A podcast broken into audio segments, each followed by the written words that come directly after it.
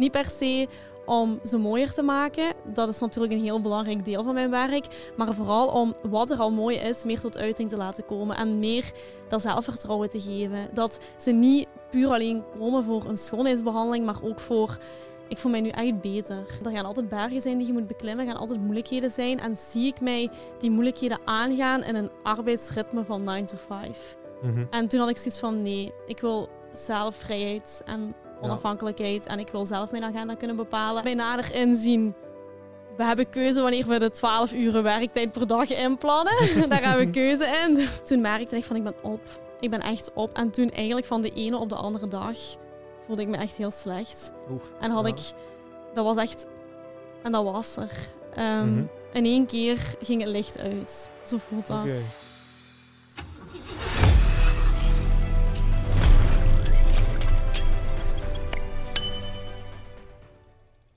Hey, mijn naam is Jonas en welkom ondertussen de zesde aflevering van de Jonge Haaien podcast. Zoals beloofd uh, zijn we nog steeds on track om elke week een uh, nieuwe podcast te maken.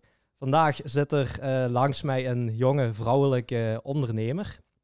ik ken haar eigenlijk een beetje via mijn vriendin. Ze zorgt ervoor dat mijn vriendin en ook verschillende andere dames er altijd dag na dag stralend uitzien. Um, ze is eigenlijk van opleiding maatschappelijk uh, werker. Ze heeft dan eigenlijk een beetje het onconventionele pad gekozen om uh, nog een opleiding naar studies gaan doen voor uh, schoonheidsspecialist. Um, ondertussen is ze dan ook nog in, als zelfstandige begonnen. Toen nog waarschijnlijk ja, student zelfstandig of zelfstandig in bijberoep. Ondertussen heeft ze eigenlijk haar eigen schoonheidsinstituut uitgebouwd. Dat is Salone Narcissi. En eh, ik ben eigenlijk heel blij om haar vandaag te mogen ontvangen hier op de, op de podcast. Dus Rieke, welkom uh, op de Jonge Haaien podcast. Dank u wel. Hallo. Heel fijn dat je er bent, uh, want je moet helemaal van, van Bree komen. Ik ben heel benieuwd, want het is eigenlijk ook een beetje de eerste keer dat we een podcast doen met iemand die ik daarvoor eigenlijk nog niet echt had gesproken of echt goed kende. De vorige gasten die had ik wel eens altijd in, in het verleden ooit tegengekomen en zo. Dus uh, ik, allez, ik weet zeker nog niet alles van u. Dus ik ben, uh, ben heel benieuwd. Ik denk dat, uh, dat er heel veel verhalen zijn die, die de luisteraars zeker ook nog niet weten van u. Um, dus ik zou eigenlijk heel graag een keer beginnen. ik merk een beetje bij, bij andere ondernemers. Hè, ze, die, die hebben een eigen zaak, maar heel vaak zijn er al bepaalde tekens geweest in het verleden. Van ja, toch een beetje dat ondernemerschap of toch een beetje het, het iets meer willen of, of u wilde specialiseren in iets.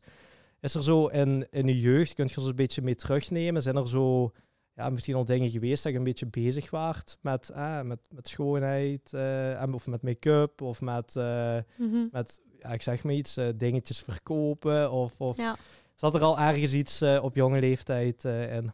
Ja, ik ben eigenlijk niet het typische clichébeeld van de persoon die al heel lang wist dat ze schoonheidsspecialist wilde worden. Dat is in mijn geval niet zo. Mhm. Ehm, maar ik merk wel dat er wel al een aantal eigenschappen of capaciteiten waren die ik had als kind. Um, wat er eigenlijk toe heeft gemaakt dat ik nu wel mijn zaak heb. Um, dus ja, als kind had ik eigenlijk altijd heel veel hobby's. En het was altijd heel moeilijk om een keuze te maken van wat ga ik nu eigenlijk doen. Dus ik vond eigenlijk heel veel dingen heel leuk. En ja, een heel groot deel van mijn leven was wel sport. Dus ik heb heel lang atletiek gedaan. Ehm, en dan um, heel veel tijd daar ook in gestoken. Uh, mijn ouders hebben daar ook veel tijd in gestoken. Dus ik liep dan ook wedstrijden. Maar oh, na een aantal jaren ben ik daar dan toch mee uh, gestopt ook. Um, Omwille van verschillende redenen. Ook omdat de passie er ook niet meer zo heel veel of heel goed in zat of zo. Ook omwille van school en andere toestanden. Maar ja, er waren wel heel veel andere eigenschappen. Zoals op een bepaald moment kreeg ik bijvoorbeeld heel veel zin om uit het niks zo kleding te gaan maken. En dan met uh, wat babysit geld zo, om te gaan babysitten had ik dan een naaimachine gekocht uit de Aldi. ja. en dan uh, begon ik op die manier dan um, kleren te maken. Um, dus dat bijvoorbeeld. Of uh, inderdaad, zo misschien het, het ondernemende een beetje van ehm, ook heel veel mensen altijd willen samenbrengen. Dus ehm, als ik dan vrienden had, dan wilde ik die ook heel vaak voorstellen aan andere vrienden. Zo een ah, beetje het netwerkgedeelte. Um, eigenlijk overal wel een, een beetje willen bijhoren of mij willen laten zien of zo. dus die eigenschappen waren er wel. En uh, ook wel een beetje het gevoel van dat ik ook wel met heel veel soorten mensen overweg kom. Dat ik altijd heel veel mensen een verhaal interessant vond. Dus in dat opzicht is er wel veel ja, veel duidelijk dat ik op dat moment wel iets met mensen wilde doen of iets in de sociale sector of zo. Dus dat was wel duidelijk. Het schoonheidsgedeelte is eigenlijk een beetje daarna pas gekomen, toen dat zo de vrouwelijke interesse een beetje werden ontplooid. Ja. En dan vooral in de studententijd ben ik daar eerder achter gekomen. Dus okay. het is niet het typische clichébeeld dat ik dit altijd al heb gewild. Is niet van, je waart al op die derde bezig met... met uh, ik ga schoonheidsspecialist... Nee. nee, absoluut niet. Helemaal niet. Nee, dat is eigenlijk een uh, heel recente keuze. Um, Heel recent eigenlijk best op mijn pad gekomen. Zo. Ja, en dan vroeger van uh, dat je met die kleding, ontwerpen, maken bezig waart. Mm -hmm. Welke leeftijd moet ik daar dan bij voorstellen? Um, Hoe oud was je toen? Goh ik denk dat ik op dat moment ehm, nog niet op het middelbaar zat. Of nog net op het middelbaar. Ja, Misschien 11, 10, ja, 11. Ik denk dat ik op die 11, 12 jaar dan. Uh, in die leeftijd inderdaad. Ja. ja. want dat is toch opmerkelijk. Ja, ik, allez, ik weet niet of er heel veel uh, ja, dames op die leeftijd zeg maar bezig waren met zelfs allez, dingetjes te maken. en, te maken. Uh, ja, ja het, het wat vooral opmerkelijk was, was dat ik heel moeilijk kon stilzitten en dat ik altijd wel iets wilde doen. Okay.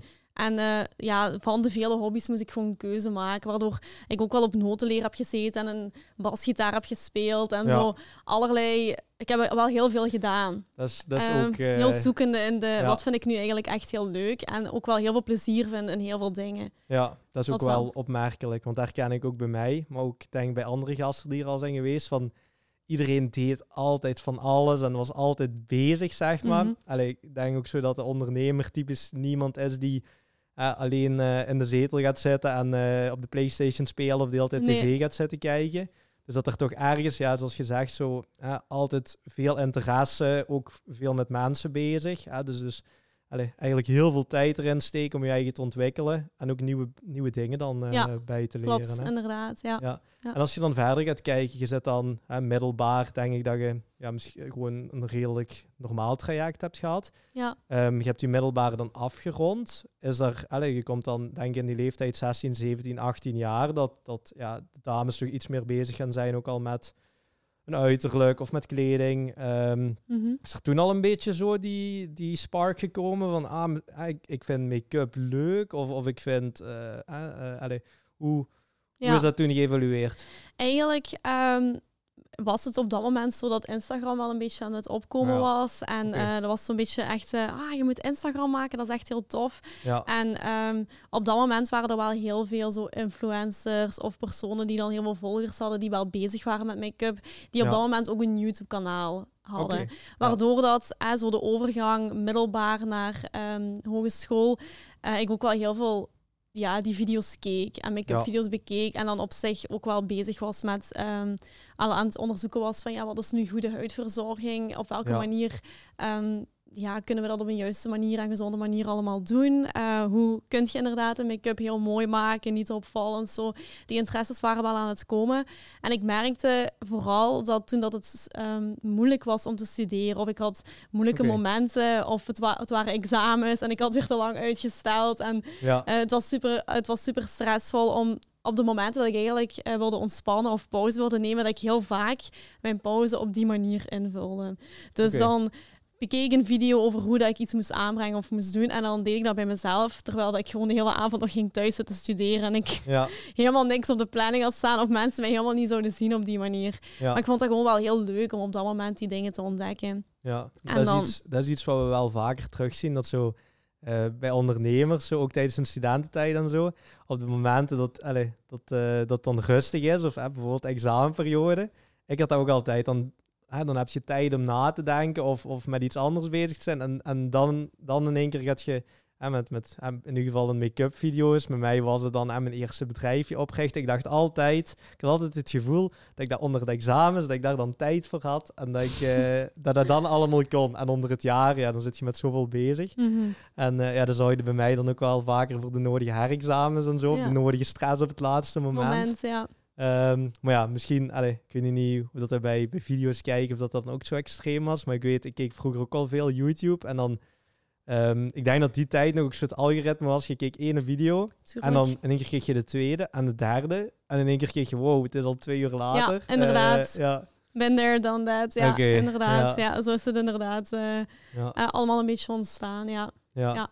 En dan zit je eigenlijk, ja, je, je merkt van, hey, ik heb daar wat interesse in. Ja, want um, ik weet dan, je zit maatschappelijk werker gaan studeren na het middelbaar. Mm -hmm begint je dan toch zoiets te hebben van, tje, ja, maatschappelijk werk, ik ben er nu aan het studeren, maar ik merk dat ik toch wel heel veel interesse heb in uh, make-up tutorials en... Mhm. en uh, eigenlijk, eigenlijk is dat pas het laatste jaar dat ik studeerde echt tot uiting gekomen. Ik had vooral... Um, ik zat heel veel op mijn honger in die opleiding. Dus uh, als we stages deden of um, moesten studeren, ik vond al die materie wel heel interessant. Omdat er kwam aan een juridisch leuk um, aan te pas. En, en psychisch en sociaal en maatschappelijk en allerlei domeinen. Um, ja, dus maatschappelijk werk is heel, heel breed. Hè. Dus het is enerzijds um, rehabilitatie en verslavingszorg en dan anderzijds CLB-gebeuren, leerlingenbegeleiding. En het was zo breed en er was eigenlijk zoveel keuze. En ik had ook niet echt het gevoel dat ik ergens bij hoorde, omdat er ook altijd heel zware problematieken waren. Ja. dus wij studeerden echt om om te gaan met met veel problematieken. Ja. Terwijl ik ergens zoiets had van... Alle, ik zag dat dan bij de vrouwen in mijn omgeving. Um, er zijn andere dingen die veel simpeler zijn en die veel dichter bij ons staan. Um, wat ook wat ook struggles geeft bij mensen. Natuurlijk. Um, wat, dat gaat bijvoorbeeld over um, een gebrek aan zelfvertrouwen of een gebrek aan zelfzorg en die dingen. En ik voelde van, wil eigenlijk veel meer op dat vlak iets betekenen voor uh, personen of voor mensen. Ehm, en meer misschien vrouwen meer het gevoel te laten geven van was eigenlijk wel niet in een mars hebben. Ja. En toen begon ik zo ja, heel veel na te denken van ja, er is hier niks. Maatschappelijk werk is zo breed, maar ja. waar ik interesse in heb, dat is zo'n vaag uh, luik, uh, dat is zo'n vaag iets. Uh, wat is dat eigenlijk zo? Mm -hmm.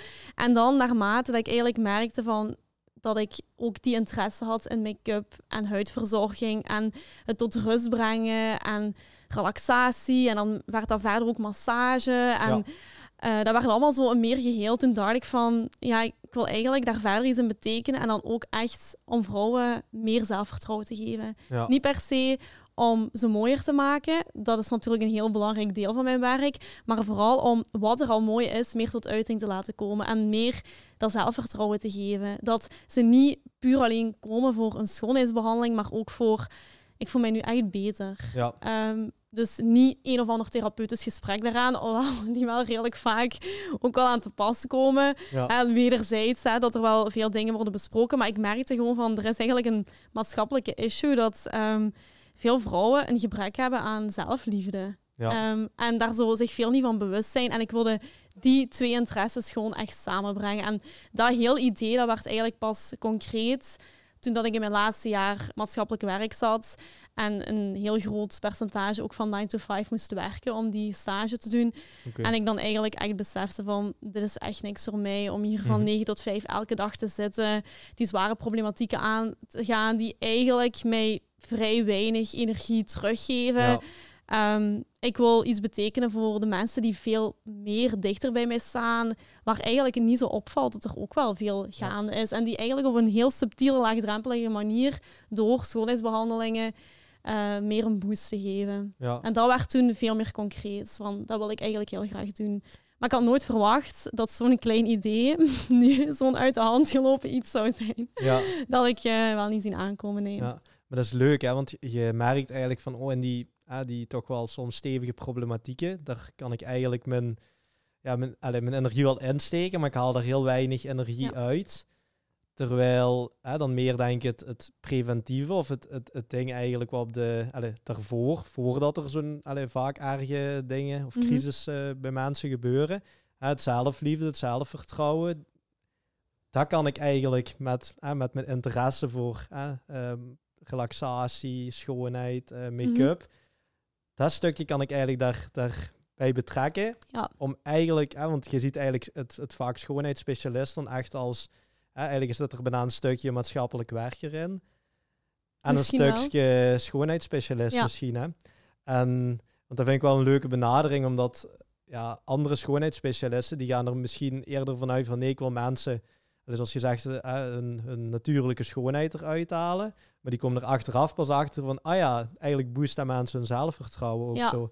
En bij u was het dan ook van, je hebt eigenlijk al heel vroeg ingezien dat als vrouwen bij u binnenkomen, dat die daar hopelijk weer heel anders naar buiten gaan. Ja, ja. Dus, ik wil niet dat ze binnenkomen met het plan, ah, nu ga ik een gelaatsverzorging laten doen en mijn wenkbrauwen zijn gedaan en ik ga daar gewoon liggen en even genieten en klaar. Ik wilde gewoon meer doen dan dat. Ik wilde eigenlijk dat ze eigenlijk in een zo'n danig diepe staat van rust kwamen. Ehm, dat ze echt heel diep ontspannen naar buiten gingen. Of dat ze meer leerden kennen over hun huid. En hoe dat ze eigenlijk meer zelfvertrouwen kunnen krijgen door hun huid te verzorgen. Door de juiste producten te gebruiken.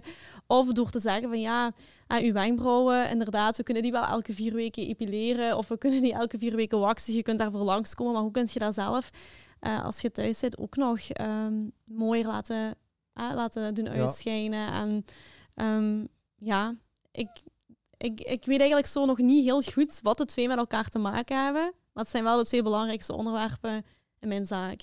Ja, ja. ja maar dat vind ik, ik vind dat wel een heel mooie benadering. Want allee, ik ben nu, ben nu zelf ook zo aan het nadenken van... Allee, ik ben dan ook voor, even voor, uh, voor mij persoonlijk aan het nadenken. Ja, Allee, ik weet niet of dat je ook zo die dingen voor mannen doet. Mm -hmm. Bijvoorbeeld, ja, ik weet niet of dat je allee, nu en dan ook misschien mannelijke klanten hebt. Ik heb een aantal mannelijke klanten eh, gehad. Ja. Spijtig genoeg ook niet de juiste ervaringen daarmee. nee. Okay. Um, maar um, ik heb ook heel veel mannelijke klanten samen met hun vriendin. Dus veel koppels die uh, samenkomen. Wat eigenlijk heel leuk is en heel tof. Want zij zien dat echt inderdaad als ontspanning, als ja. date time. Hè, dat ze met hun tweetjes eigenlijk te komen. Hè, de ene gaat zitten, ik bied iets te drinken aan. De andere gaat liggen, ze wisselen elkaar af. En dat is wel heel leuk dat je kunt bijdragen. En dat zij twee eigenlijk een leuke avond hebben. Een ontspannen avond. En er wordt ook heel veel lol gemaakt. En is, er is altijd plezier. Um, en dan de mannelijke klanten die alleen komen eigenlijk vaak via een vrouwelijke klant van mij. Ja, oké. Op die manier. Het is wel eigenlijk meer een uh, onderneming of een instituut voor vrouwen. Ja.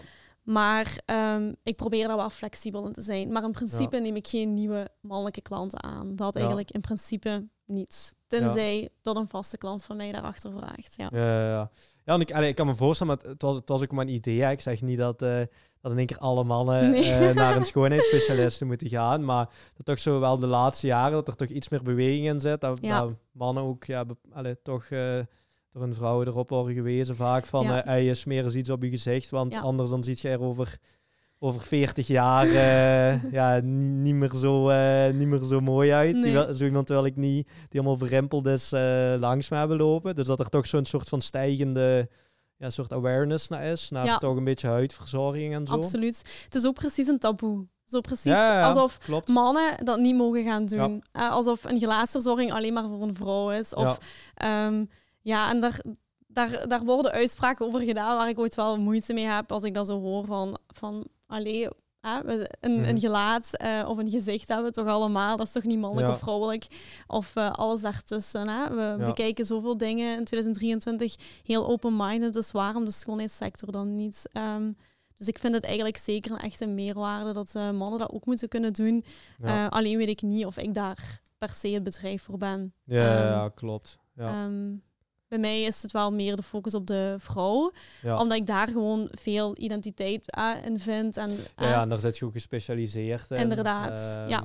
ja. Inderdaad, ja. ja maar ja, dat, was, dat was net een bedenking voor mij van ja, allee, uiteindelijk ja, vrouwen, ja, ik wist niet dat dat, dat, dat ja, zo'n ding was. Hè, maar bijvoorbeeld mijn, uh, mijn uh, oma en mijn tante en mijn mama, ja, die gaan ook allemaal zo nu en dan naar de mm -hmm. schoonheidsspecialist. En ja, ik stelde me dan voor van, ja, je laat uh, je wenkbrauwen terug mooi maken. En, uh, en ja, voor de rest wist ik eigenlijk niet echt precies wat die deden. Maar dat, mhm. het toch, allee, dat er toch wel een heel stuk meer achter zit. Absoluut. dat, je, dat je toch vrouwen dat zelfvertrouwen geeft. En, ja. en toch ergens het leren van voor jezelf te zorgen. En dat je ook nu en dan eens een keer mocht ontspannen. Mm en ik kan me voorstellen, zeker hè, vrouwen met kinderen en in de drukte van uh, de dag van mhm. vandaag, die allemaal uh, ook heel veel moeten werken.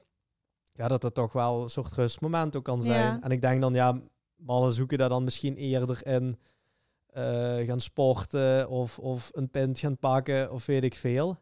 Ja, maar dat, maar dat denk ik toch zo, ja, dat er ook gewoon heel veel mannen zijn die zo super extreem overwerkt zijn. En dan ja, vaak naar een glas alcohol of zo grijpen. Terwijl dat ik ook wel eens heb nagedacht van ja, eigenlijk zou je gewoon een halve dag in de, in de sauna en in de mhm. dingen moeten gaan zetten. Inderdaad. En dan kunnen misschien eens tot rust komen. Maar die alcohol, ja, dat, is tijdelijk. En dan de dag daarna voelt je, je vaak nog, nog moer dan, mm dan uh, de dag ervoor. Ik denk ook inderdaad dat zo de beauty en de wellness sector op dat vlak heel fel wordt onderschat. Ja. Van eigenlijk uh, wat eigenlijk behandelingen aan het lichaam ook kunnen teweegbrengen op geestelijk vlak. Ik denk dat dat heel, veel, ehm, heel zwaar wordt onderschat, dat wij op dat vlak ook wel heel veel kunnen betekenen voor personen. Nu, mhm. ik denk dat zo het standaard cliché schoonheidsspecialist, hè, wat je net aangaf, van ik ga mijn wenkbrauwen laten doen en voor de rest gebeurt er niet heel veel, dat dat ook nog heel sterk in de wereld is. En ik geloof ook niet dat iedereen de ambitie heeft om daar nog verder iets mee te doen. Maar als ik puur voor mezelf mag spreken, heb ik het eigenlijk ook een, het woord klant is voor mij ook een beetje raar, want mijn klanten zijn eigenlijk meer dan dat. ik kan, natuurlijk is dat niet hetzelfde als een vriendin, is dat zeker niet op dat niveau. Maar elke keer als ze mij iets vertellen en ze komen terug, ben ik eigenlijk heel benieuwd naar hoe het verder is gelopen, waar dat ze verder staan. En worden die dingen eigenlijk op een heel speciale manier gedeeld. Niet vriendschappelijk, ook niet therapeutisch. Ik kan niet benoemen wat het precies is, maar het is wel een soort verbondenheid die je wel hebt. Ja. En dat maakt mijn job wel heel mooi. En daarom dat ik ook uh, de naam Salone Narcisi heb gekozen. Mhm. Omdat um, veel mensen vragen mij van ja, hoe kom je eigenlijk aan die naam? Ik merkte eigenlijk van ik wilde niet zo iets cliché, beauty, buy of whatever, make-up. Ja. Al die dingen, uh, zo al die Engelse benamingen, daar vond ik ook dan niet dat ik uit zou springen. Ja. Um, dus ik wilde sowieso een andere taal. En omdat ik wel zoveel affiniteit heb met Italië, ik vind het een heel mooi land, dacht ik, oké, ik ga gewoon voor het Italiaans, klaar voor de rest. Eigenlijk niet meer over nagedacht. En dan dacht ik van, nu wil ik eigenlijk uitstralen dat mijn salon veel draait om zelfliefde en eigenlijk een gezond narcisme. Dus mhm. eigenlijk... Um, ja, een gezonde dosis aan narcisme hebben. Dus uh, natuurlijk niet de ziekelijke variant, nee. daar gaan we niet naar streven, maar de gezonde variant. En daarom dat ik dan Salone Narcisi heb gekozen, omdat de narcis ook staat voor um, het zelfliefde eigenlijk. Hè? Het ja. hebben van zelfliefde, uh, jezelf graag zien, de gezonde dosis narcisme. Um, en ook op een bepaalde manier um, gek worden van jezelf eigenlijk. Ja. Tot een bepaalde hoogte. Wat voor elke persoon anders is natuurlijk. En dat was eigenlijk wel wat ik wilde uitstralen daarmee. En ik heb wel het gevoel dat dat lukt. Dat dat wel de reden is waarom dat... Uh, vrouwen tot bij mij komen, ja. Ja, ik denk dat iedereen zich al af heeft gevraagd wat die naam vandaan ja. kan. Want dan wou ik ook nog vragen, misschien wel later uh, ja. vandaag. Maar uh, ja, het is wel, ja, allez, het is heel mooi. Het is, het is eigenlijk ook een hele leuke naam. Hij onthoudt ook goed. Mm -hmm. Dus ik denk dat dat een heel goede keuze is geweest. Hè? Want ja, je kunt inderdaad beauty of schoonheidssalon, Huppel de Pup. Mm -hmm. En allez, ja, iedereen kent die naam en ze zijn er, ze zijn er veel. Mhm. Maar ja, ik, ik vond dat, dat zo, die naam is bijna een, een soort van merknaam eigenlijk. Hè? Dus, Inderdaad. Uh, dat, is wel mooi. Het was ook wel de bedoeling van... Um, ik wilde dat niet specifieren naar iets schoonheid of beauty. Ik dacht, ja, het is een salon inderdaad, maar wat is nu de eigenlijke kern hiervan? Ja. En dan kom ik eigenlijk uit bij dat aspect van... Ja, want het is niet gemakkelijk, hè? Een mooie naam of een goede naam verzinnen. Nee, nee, dat wordt ook onderschat altijd. Hè? Dus, onderschat, ja. maar in één keer is het daar. En dan kun je ook niet meer daarvan af, van afstappen. Want je weet gewoon, dit is wat ik wil uitstralen. Dit is gewoon perfect. Dit is de naam die ik moet hebben. Ja. En dan zou ik mezelf ook nooit nog zien met een andere naam. Oké. Dat dan één keer dat je dat hebt, dan voelt het zo krachtig. En dan weet je eigenlijk van, dit is wat ik wil uitstralen naar mensen toe. Dit is uh, de boodschap die ik wil geven. Hiermee wil ik eigenlijk als ondernemer in de wereld treden. Ja. En dat was met die naam. Ja, oké, mooi. En Grieke, als we even kijken, je zit, um, dus we zitten ergens een beetje, we zijn een beetje afgeweken, maar we zaten ergens, je gaat verder studeren. Je zit ergens in je laatste jaar. Hè, je krijgt zo'n beetje het idee van, uh, oh, 9 to 5 hier blijven werken als maatschappelijk werker precies ook niet de toekomst die ik zie. Misschien zie ik iets meer toekomst in, hè, dat is de schoonheidsspecialist gebeuren. Wat is er toen, hè, want je zit dan waarschijnlijk op een gegeven moment ook, hè, je hebt die studie afgerond. Mm wat is er toen gebeurd? Ja, eigenlijk um, toen dat ik aan mijn studie ben, begonnen, toen uh, had ik redelijk veel fysieke klachten. Dus uh, ik had uh, klierkoorts gekregen toen ik oh. mijn laatste jaar zat op middelbaar. En bij de ene persoon is dat na een aantal weken voorbij. En bij de andere kan dat jammer genoeg lang aanslepen. En ik had eigenlijk het gevoel dat dat al, um, ja, al verschillende jaren wel impact had op mijn leven. En wat voor mij ook uh, een heel belangrijk aspect was, was eigenlijk van ik wil vrijheid en onafhankelijkheid. Dat, dat ik eigenlijk kan luisteren naar wat ik nodig heb op inderdaad fysiek vlak, ook op geestelijk vlak. Mhm. En dat ik op die manier mijn eigen werk kan organiseren. Dus ik wilde eigenlijk vrijheid en onafhankelijkheid op dat vlak. Maar ik had dus, zoals net ik al zei, nooit verwacht dat dat zo ging uit de hand lopen. Mhm. Ik had op dat moment eigenlijk zoiets van, ik ga gewoon parttime in de slag, aan de slag in de sociale sector. Ik zoek een, ik zoek een job die ik leuk vind part-time. En dan ga ik thuiskomen en doen wat ik echt heel graag doe. Mijn passie, behandelingen uh, bij mensen, schoonheidsbehandelingen uitvoeren. Ehm, en dan kan ik ook op die manier ontladen van mijn werk, tot rust komen, ja. doen wat ik graag doe. Ehm, de tweede helft van de dag eigenlijk had ik dan veel meer zelf in handen, kon ik veel meer zelf organiseren. En dat was eigenlijk een beetje begonnen doordat ik toen merkte van dat het normale arbeidsritme niet paste bij wat toen mijn fysieke noden waren. Ja. En zo is die inzicht gekomen. Ik heb toen dat ik ondernemer ben geworden, had ik daar eigenlijk niet meer zoveel last van. Of is dat eigenlijk tamelijk goed verdwenen of uh, naar de achtergrond verschenen. Ik kan nu niet zeggen dat dat nog impact heeft. Mhm. Maar dat was wel een belangrijke factor. Dat ik, dat ik dacht van wat er op mijn pad gaat komen en welk leven ik ga leiden. Um, er gaan altijd bergen zijn die je moet beklimmen, er gaan altijd moeilijkheden zijn. En zie ik mij die moeilijkheden aangaan in een arbeidsritme van 9 to 5. Mhm. En toen had ik zoiets van, nee, ik wil zelf vrijheid en onafhankelijkheid. En ik wil zelf mijn agenda kunnen bepalen en invullen. Werken wanneer dat ik voel dat ik goed kan werken. Ja. Bij nader inzien we hebben keuze wanneer we de 12 uur werktijd per dag inplannen. Daar hebben we keuze in. Ja. maar het zijn wel het zijn lange werkdagen. Nu, één keer dat je doet wat je graag doet, maakt het ook helemaal niet uit. Maar dat was op dat moment. Dus eigenlijk, om dan op je vraag terug te komen, toen ik dan afgestudeerd ben, uh, op dat moment had ik zoiets van, ik ga gewoon rustig een bijberoep beginnen. Um, dat, dat, is de bedoeling wat ik ga doen. Dus ik ga nu mijn opleiding schoonheidsspecialisten volgen en dan ga ik daarna rustig een bijberoep beginnen. Okay. Maar het was eigenlijk toen ik aan de opleiding schoonheidsspecialisten begon, dat ik na twee maanden al niet meer kon wachten en dat ik dan ben begonnen als student zelfstandige. Oké, dus, want ja. je zei dan, um, je hebt je middelbaar af, je zei dan eigenlijk uh, gaan verder studeren als maatschappelijk werker en toen had je die, een opleiding schoonheidsspecialisten ja, op Centra. Ja. Centra, oké. En dat was voltijds? Ja, of? dat was een voltijdse dagopleiding. Dus dat was eigenlijk een heel jaar, elke dag van, naar school. Zoals ja. dat je naar de hogeschool gaat, ga je dan één jaar op Centra een beroepsopleiding volgen. Ja, Want dat is dan één jaar wel heel intensief, zeg maar. Of ja, toch, toch de ganse dag ja. met uw specialisatie bezig mogen zijn. Dat, dat was intensief, maar net omdat dat zoveel energie gaf, was dat voor mij echt een sabbatjaar. Oké, ik heb mij echt doorgefietst. Ja. Ik ben naar doorgefietst. Ik heb me echt um, super hard geamuseerd. Dat was echt zo leuk.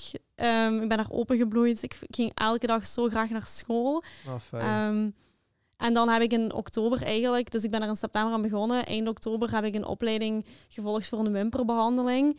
Gewoon heel laagdrempelig. Dacht ik, ja, dat zijn een paar avonden, ik ga er nog bij doen. En ehm, toen dacht ik van, oké, ik ga gewoon al beginnen met die behandeling aan te bieden. Uh, als student zelfstandige. Dus ik ga gewoon daar al mee beginnen, wat inkomsten verwerven. En dan kan ik daar ook volgende opleidingen mee betalen. En kan ik eigenlijk al van start gaan. Maar ja, toen kwam corona. Ai, ja. Oké. Dus, ehm, Want als we zo heel even er blijven stilstaan. Um, ik hoor dingen, voor u lijkt het nu evident. Ja, ik zie mij daar zelf, als ik in uw situatie was, ook wel allee, zoiets doen van na mijn studie gewoon zeggen van, hey jong, um, het is toch niet helemaal wat ik misschien gedacht had, mhm. wat ik in de rest van mijn leven zou willen doen. Dan een opleiding gaan volgen. Dan ook nog eens zeggen tijdens die opleiding, oh, ik ga ook maar even uh, zelfstandig ook nog worden mhm. na een paar maanden. Hoe, allee, ik kan me voorstellen, hoe ging, hoe ging uw omgeving, uw, uw vrienden en uw familie, hoe gingen die daarmee uh, mee om? Um, als, als je vraagt van hoe gingen ze ermee om, dat ik de keuze maakte van oké, ik ga voorlopig nog niet werken als maatschappelijk werker, uh, maar ik ga een opleiding voor schoonheidsspecialisten doen, dan heb ik echt um, ja, veel, veel mensen met hun ogen zien rollen, ja. als ik dat moet zeggen.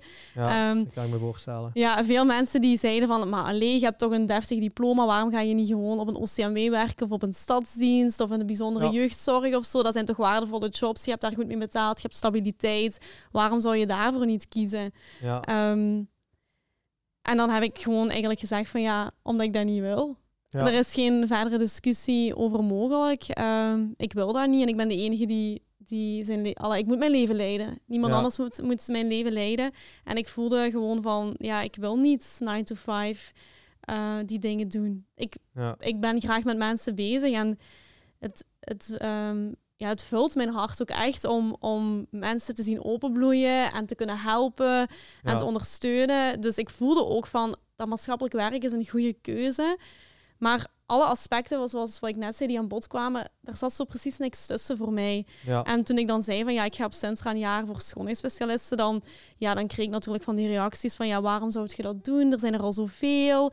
En op elke hoek van de straat heb je een. En gaat je zoiets doen, zo zo van dat dom werk. En dan, ja, dat vind ik dan zo jammer dat, dat daar op die manier zo op wordt gereageerd. Maar ja, ik moet zeggen, de juiste personen of de personen die ik op dat moment nodig had om mij wel te steunen, die waren er dan ook. Dus mijn ouders hebben ook gewoon gezegd van ja, als je dat graag wilt gaan doen, dan doe maar. En dan ben ik dat ook gewoon nog gaan kunnen doen. Ja. Ehm, dus zij zeiden ook gewoon van ja, als je het gevoel hebt dat je nog niet klaar zit en dat is nog maar een jaar, ja, doe maar en uh, zie maar wat het leven brengt. Dus dat was wel heel fijn. Ja. En dan uh, enkele vrienden, um, vooral de vriendinnen die ik op het maatschappelijk werk heb ontmoet, zijn nu tot op heden ook nog altijd heel steunend. Dus op dat moment zeiden zij ook van je moet dat gewoon echt gaan doen omdat zij ook wisten wat de job inhield en dat het echt wel een levensengagement was. Als je maatschappelijk werker wordt, maakt niet uit in welke sector je terechtkomt. Als je verandert van job, je gaat nog altijd veel energie daarin steken. Zij wisten ook welk engagement je daarin zou steken. En zij hadden zoiets van, ja, als je nu de keuze maakt om iets totaal anders te gaan doen, ja, doe. Ga gewoon doen. Maar de meeste mensen, ehm, ook mensen waarvan ik... Ehm, wat ik heel moeilijk vond, en mensen die heel dicht bij mij stonden, die, dat ook, die ook niet zo uh, supportive waren, ja. die zo zeiden van ja, alleen, er zijn er zoveel. Dat gaat toch nooit lukken? Ja. En toen dacht ik, ja, dan als het niet lukt, ja, dan lukt het niet. Hè. Ik ga het gewoon doen. En dan daar, moet je, daar moet je toch sterk voor zijn, niet? Om dan, allee, want er zijn, allee, ik herken het, ik denk dat veel mensen die iets anders willen doen dan eigenlijk van u verwacht wordt of wat mensen mm denken dat het beste is voor u. Dat, dat er vaak mensen zijn die ook heel dicht bij u staan en die dan gaan zeggen van ja, ja, het is allemaal, uh, ja, er zijn er al zoveel en waarom zou je dat doen en het is toch veel risico en ja, het kan toch allemaal veel makkelijker, hè, want je hebt drie jaar daarvoor gestudeerd. Waar, allee, je, je, zou, uh, je zou bijna dom zijn als je, het, als je het mhm. niet zou doen. Dat die ook echt zo misschien dan naar beneden kunnen praten. Ja, ja ik vond het vooral, waar ik, als ik daar nu op terugkijk, ja, dat is jammer dat die mensen in uw omgeving uh, dan daar niet zo goed op reageerden. Maar ik denk dat ook veel mensen dat inderdaad uit onzekerheid zeggen. Ze willen alleen maar het beste voor u. Dat is niet met slechte bedoelingen gezegd. Dat is eigenlijk gewoon gezegd van, omdat zij ook willen dat ik een stabiel leven heb. En, en ehm, ja, een goede job kan hebben en elke maand een salaris kan zien binnenkomen. Maar wat ik wel tot op heden nog altijd moeite mee heb, is dat ehm, die job echt lager werd gezet dan maatschappelijk werker. En ik vind in die tijd leven we absoluut niet meer. Ik vind het jammer dat we zelfs überhaupt in zo'n tijd hebben geleefd dat we um, jobs moeten klassificeren. Eh, natuurlijk is er een, een masterdiploma, eh, heb je wel een bepaalde intelligentie voor nodig. Maar ik mhm. denk elke job op zich is waardevol. Dus ik vond het heel jammer dat uh, ze zoiets hadden van, allee, waarom gaat je zo'n job doen als je ook dat kunt zijn? Ja. En dat vond ik heel jammer. En toen dacht ik, ja, dan kies ik voor zo'n job. Hè? Dan kies ik daarvoor. Hè?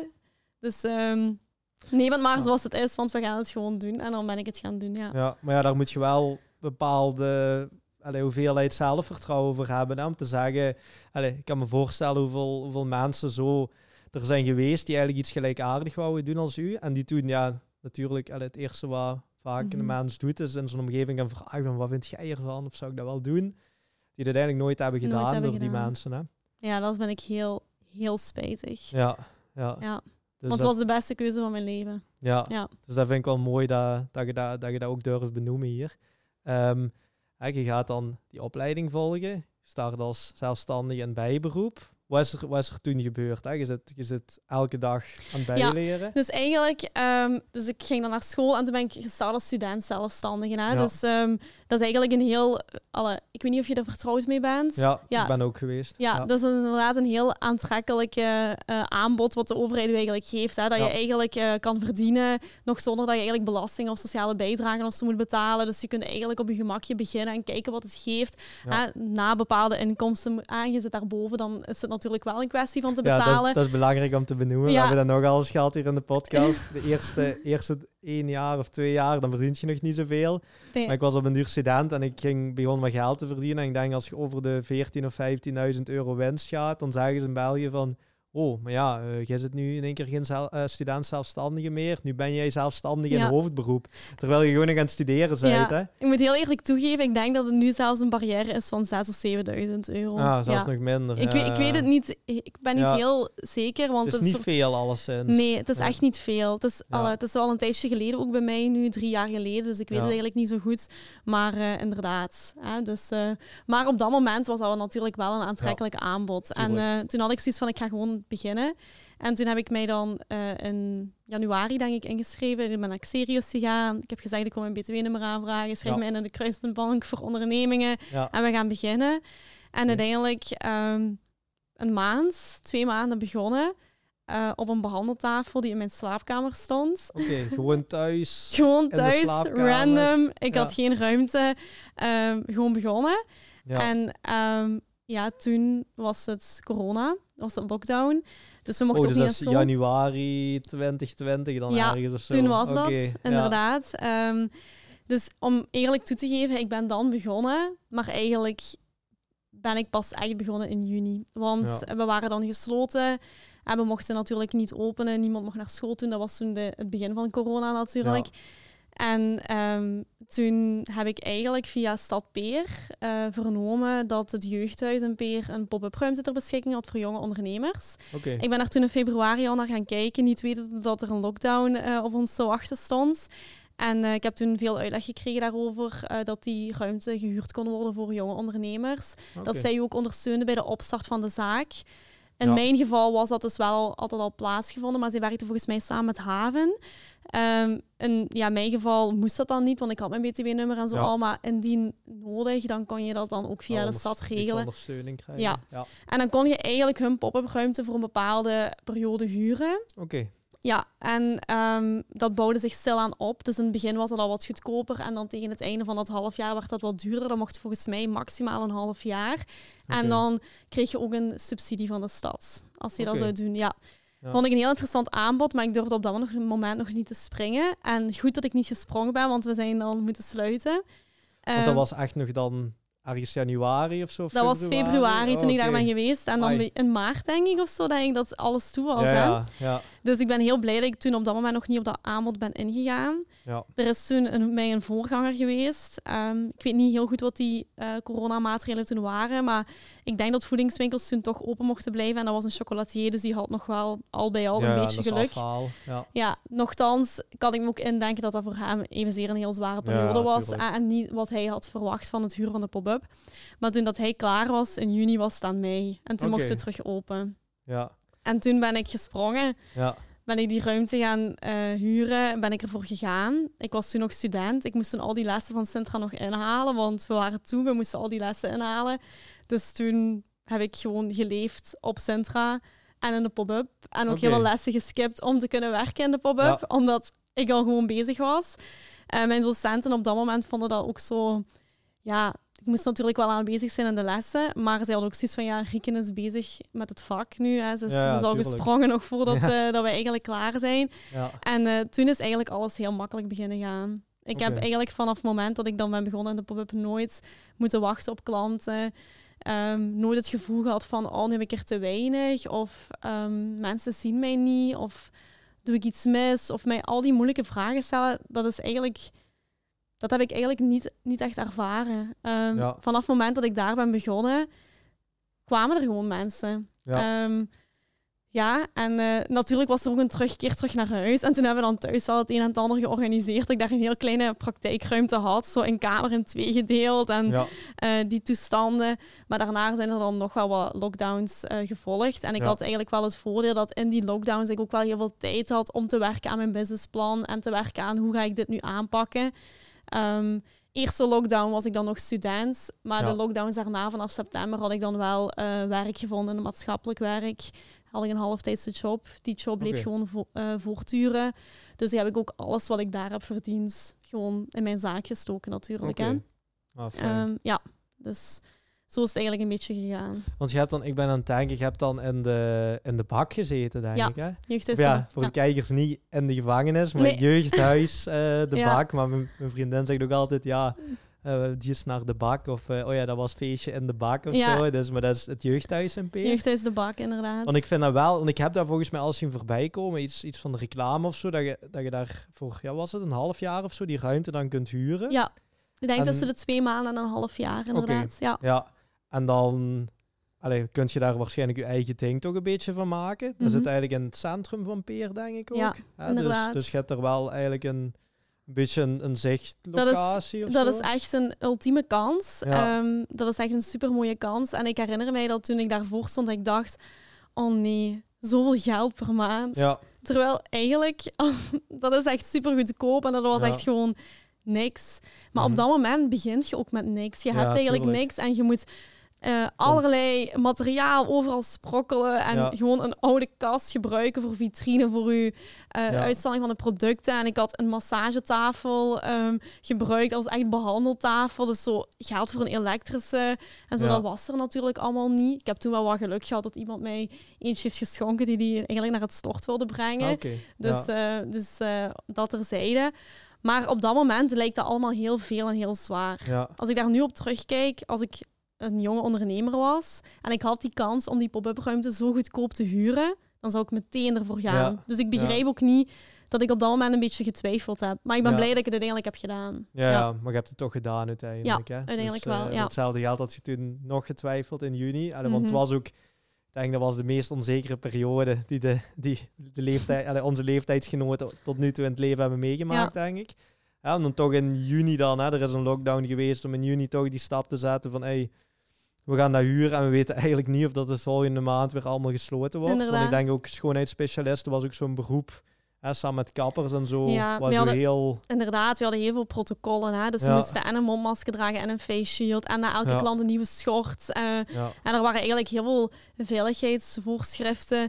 Um, die je op dat moment als bange burger ook gewoon aangaat. Hè? Dus je hebt dat, ik heb daar ook heel veel in moeten investeren. En heel veel materiaal voor moeten aankopen om alles in alle veilige omstandigheden te laten plaatsvinden.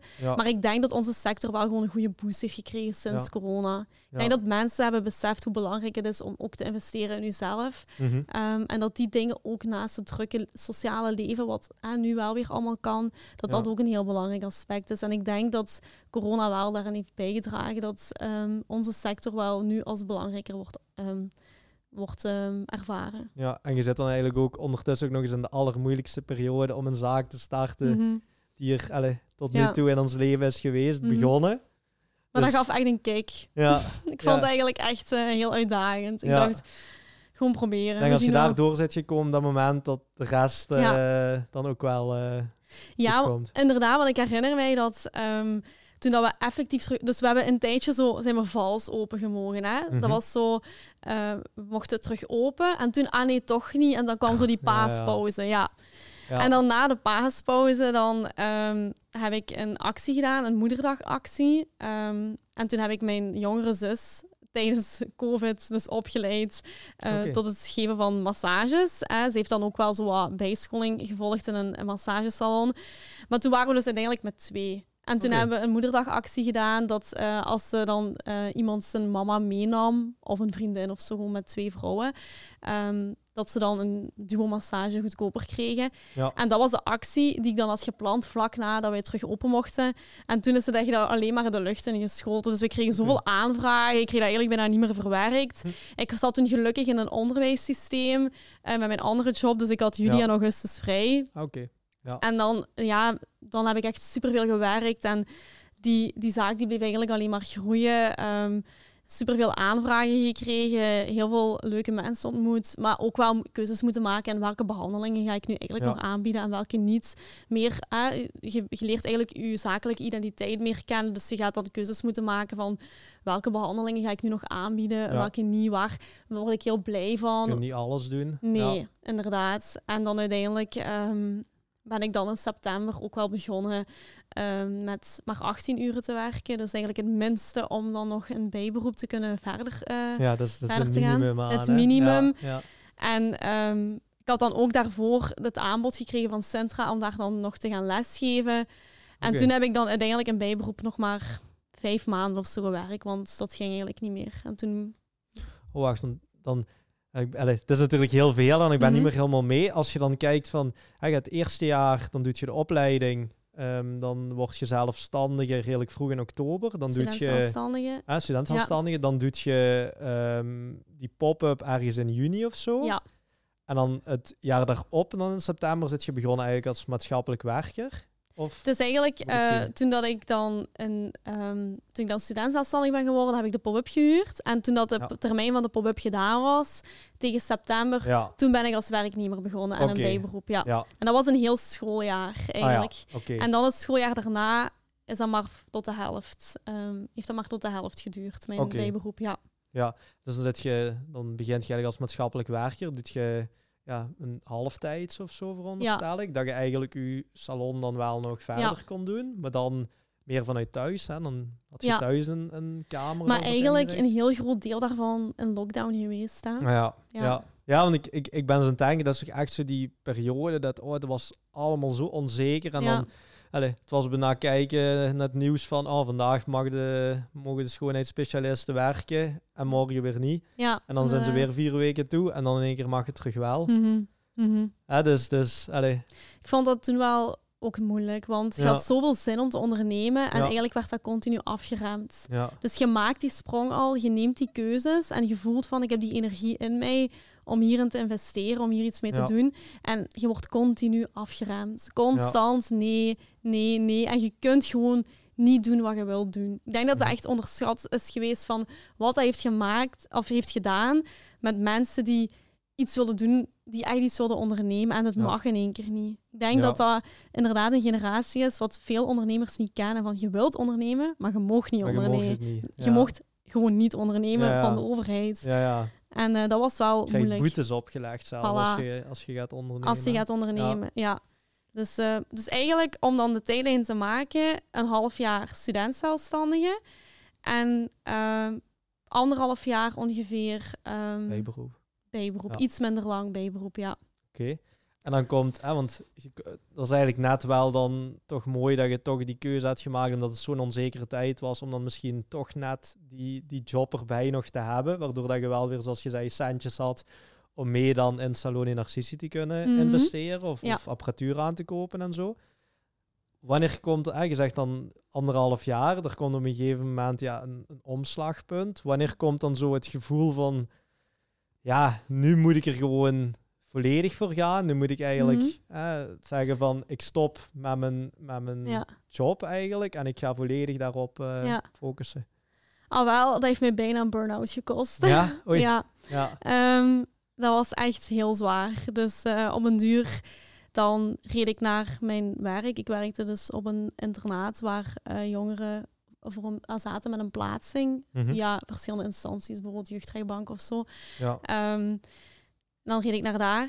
En dan was ze in de auto springen, doorgaan naar thuis, klanten doen. De dag erna naar daar, uh, terug naar het werk, ook nog naar Centra, lesgeven, terug klanten doen, die administratie nog ergens tussen doen. Ja. Het was, um, dus, uh, want die uurtjes van Centra waren er toen ook nog dus bij. ondertussen ook nog eens lesgever op Centra geworden ja, dan. inderdaad. Dus ook in die anderhalf jaar dan ergens. Daar, oh, ja, ja, dat is oh, mij een half, ik denk een, dat ik nog een half jaar een bijberoep dat heb gedaan. En dan Centra en dan uh, het, uh, het internaat daar, ja.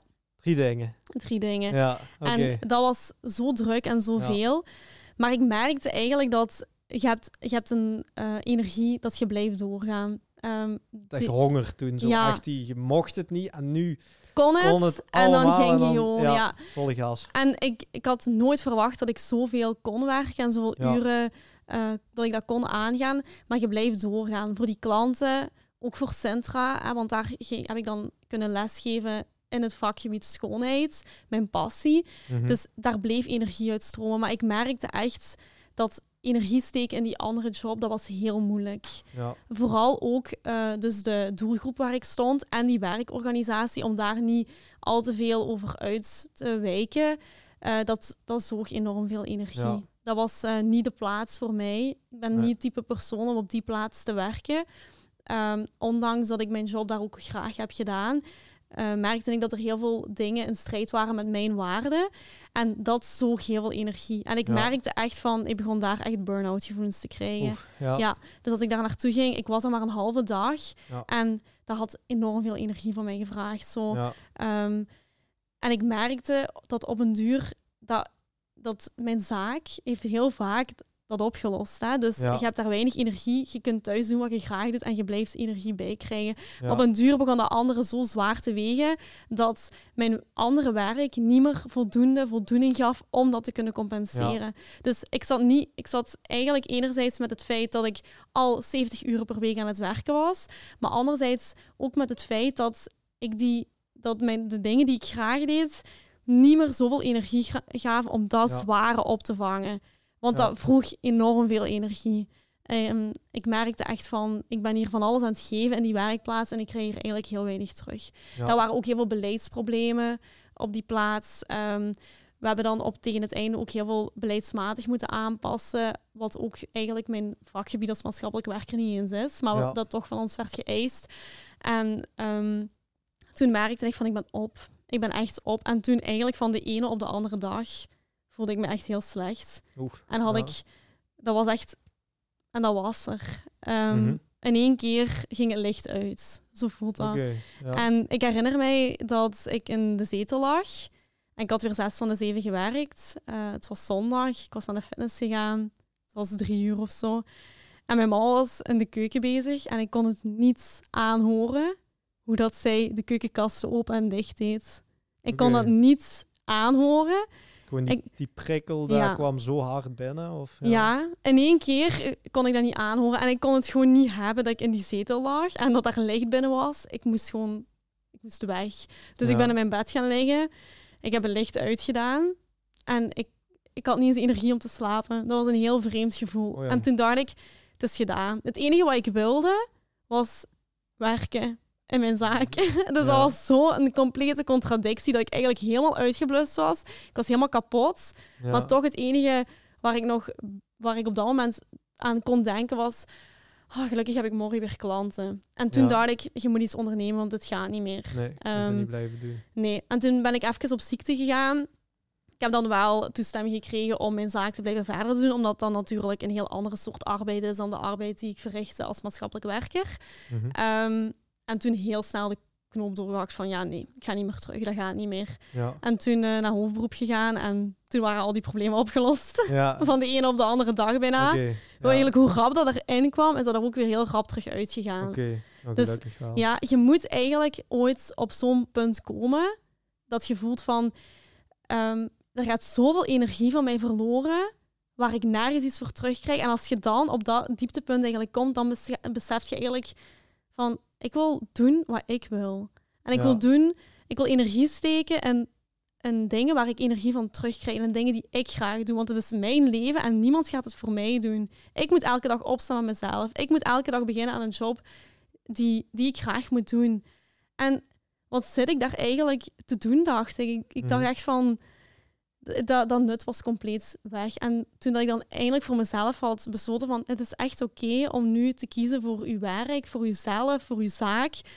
Want om een of andere reden vond ik dat heel moeilijk om daarvoor te kiezen. En toen ik dan voor mezelf had gezegd van, het is echt oké, doe maar, probeer het en zie wat het geeft. Toen is de energie blijven stromen. Ja. En heb ik eigenlijk nooit meer het gevoel gehad van, het is te veel of zo. Integendeel, ik wil eigenlijk alleen maar meer sinds dat dat eh, is gebeurd. Ja, ik weet, mijn, mijn vriendin, ja, die is psycholoog en die vergelijkt altijd met zo'n emmertje.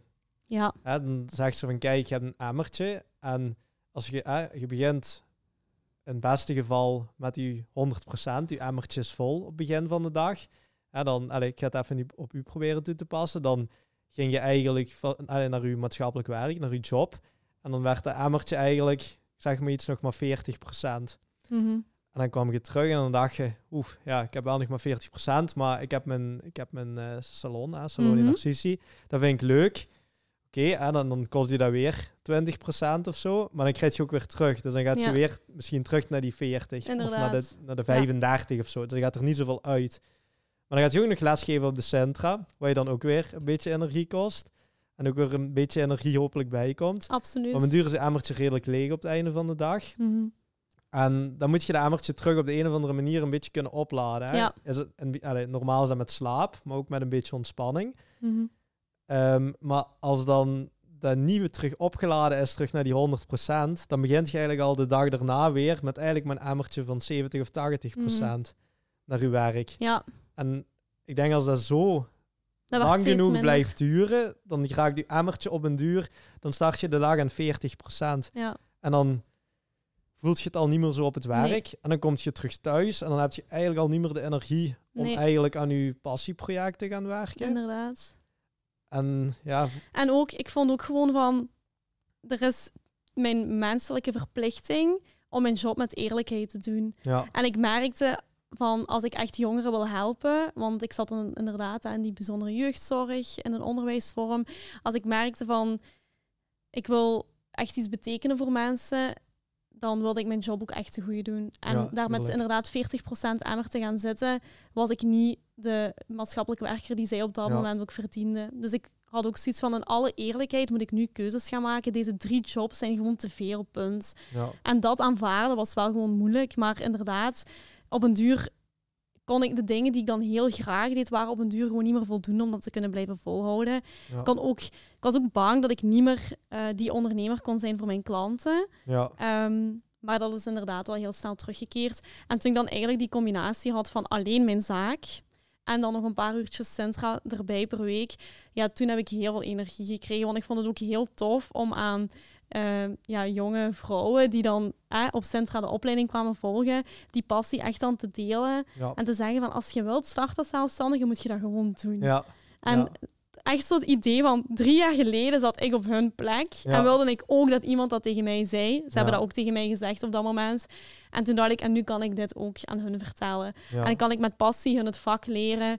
En dat was een heel leuke combinatie. Ja. Zo uh, de theorie uitleggen aan hun, terugkomen en dan, dan toepassen bij mijn klanten en zo. Dat was echt heel leuk. Dat zijn superleuke dagen. En nu in september gaat dat weer beginnen, dus nu zijn die dagen er ook weer bij. Hè? Ja, dus, ja mooi ja. vooruitzicht ook. Hè? Ja.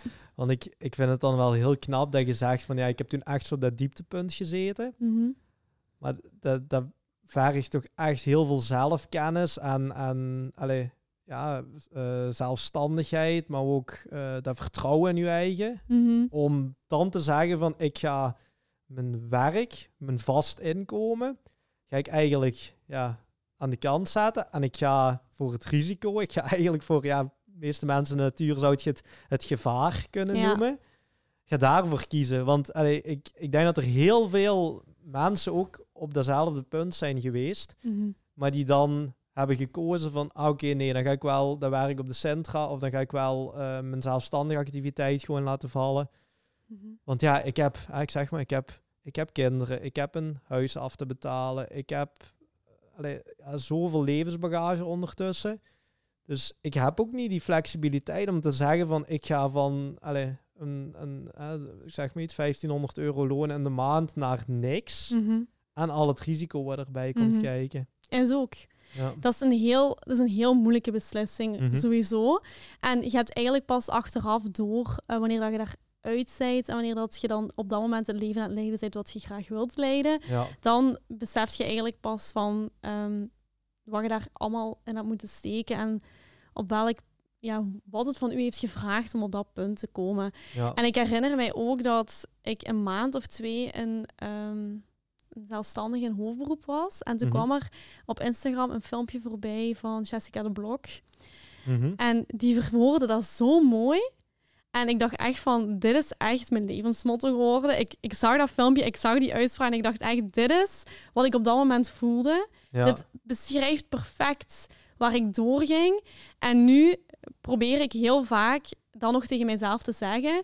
Ik zei dat ook tegen mijn naaste ooit, van uh, dat is echt wat je moet voornemen. Dus ze zei, um, als je ooit op een kantelpunt zit in je leven je hebt het en je hebt het gevoel dat je wilt springen, maar je durft niet omdat je angstig bent of dat er um, bepaalde wat-als-scenario's in je hoofd uh, spelen, dan kun je beter wel springen. Als Ja. je twijfelt, kun je beter wel springen. Want ze zei, je worst case scenario dat jij in je hoofd hebt, dat is vaak het moment waar je op dit moment in zit. Dus je status quo. Als je Mhm. op dat moment het gevoel hebt van, ik voel me zo slecht en ik moet nu springen, maar ik durf niet te springen om de angsten die gaan komen of van wat als, wat als en alles wat er dan, alle gevaren die kunnen zijn, je zit op dat moment al in het engste scenario, zonder dat Ja. je dat weet. Die, dat kantelpunt, dat is zo zwaar, dat is zo Mhm. moeilijk, dat je op dat moment eigenlijk denkt van, ehm, ja, ik durf niet en het is zoveel en wat als het misloopt, maar achteraf besef je dat was zwaar en dat Ja, was moeilijk. Dat was die het sprong, zwaarste moment. Nee, ja. Ja. En dat was die video, ja, ik vond dat zo'n mooie video. Ik heb die Mhm. opgeslagen. Ik kijk dat ook nog eens als ze dat zo vertelt. Ja. En eh, ik heb dat geregeld al aan mensen verteld van ehm, als ik zo mensen privélevens delen of je hoort van vriendinnen dat ze ergens mee struggelen of zo, dat ik heel vaak zeg, als je twijfelt, kun je het beter wel doen. Ja. Je kunt het beter gewoon wel doen. En als het misloopt, dan Dan heb je het het, dan heb je het gedaan en dan Ook. kun je je achteraf nooit afvragen van had ik toen maar dat misschien Ook. gedaan en hoe zou het er dan nu Inderdaad. uitzien hè? Ja. Dan heb je die spijt niet denk ik. Inderdaad, ja. Ja. Ja. En ja, maar dat is, ja, dat is, dat is ondernemen. Hè? Dat Dat, is op dat moment toch die echt wel heel moeilijke beslissing kunnen nemen om te zeggen van fuck it, eh, Mhm. we gaan ervoor Mhm. en we gaan wel zien waar dat het, eh, Dat is eindigt, waar dat ja. het eindigt. Hè? Ja. Dus want we zitten dan ehm, ondertussen, denk ik, eh, waar, waar moet ik Het is nu een jaar geleden, dus Ja. ik ben eigenlijk officieel mijn eerste maand zelfstandig in hoofdberoep was in juni 2022. Oké, Ja. ja. Dus nu een jaar en een goeie paar maanden, twee Ja. maanden, ja. Zit je in hoofdberoep en wat is er toen gebeurd? Ehm, toen ben ik dus heel veel gaan moeten werken, natuurlijk, ehm, om mijn zaak op dat punt te krijgen dat, wat ik eigenlijk wilde. Mhm. En ik had voor mezelf eigenlijk een doel bepaald van elke maand moet ik dit omzetcijfer hebben, om te kunnen genieten van een deftig maandloon. Ja. Want ik wilde niet nu mijn komende jaren gaan leven met een minimum maandloon, omdat ik ook wel ambities had om op termijn natuurlijk iets te kopen. Ja. Dus ik had ook zoiets van, ik wil niet lager gaan dan wat ik met van de luxe die ik had als bijberoeper. Ja. En op dat moment ehm, had ik dus voor mezelf besloten van, je gaat echt elke maand bijhouden dat je eraan komt, aan het cijfer waar je wilt aankomen. En in juni had ik dat al meteen. Oké. Ja, dus ik weet niet wat er is gebeurd, maar misschien dat ik dat aan mijn klanten toe heb uitgestraald of die energie. Dat, dat, dat heeft zich altijd geloond. Ja. Zo het gevoel van ik wil er echt voor gaan, dat heeft zich gewoon geloond. En ehm, in juni had ik dat al meteen. Ik ga niet zeggen dat elke maand zo fantastisch Ja. Ah, Je hebt altijd mindere momenten.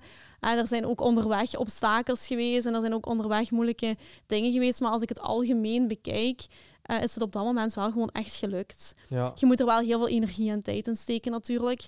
Dus ehm, ik ben dan eh, in mei op werkvakantie gegaan.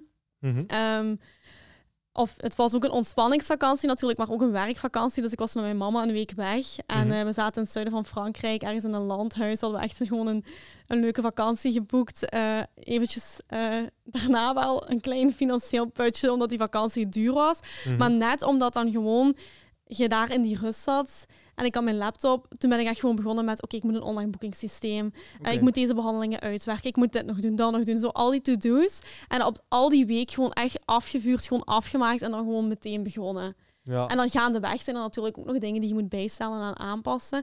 Maar ik wist gewoon van, ja, ik ben nu hier op reis.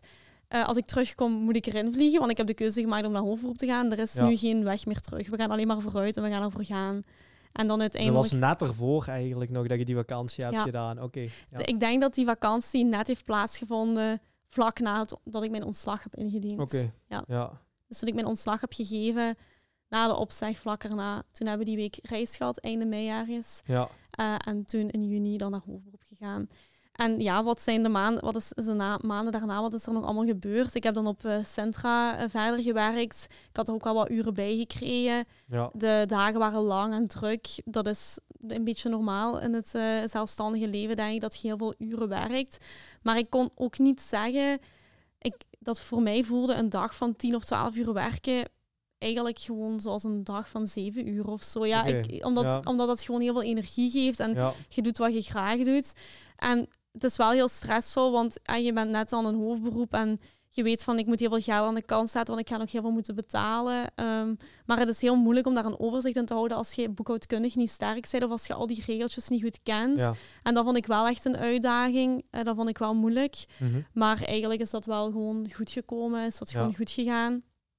Um, en dan beginnen sparen natuurlijk, want ik had nog andere uh, ambities en nog andere doelen. Ik heb wel twee kleine investeringen gedaan toen dat ik dan naar uh, Hoofdberoep ben gegaan. Uh, ik heb een huidverbeteringsapparaat gekocht en nog een make-up display. Ja. daar moest ik dan wel even voor investeren.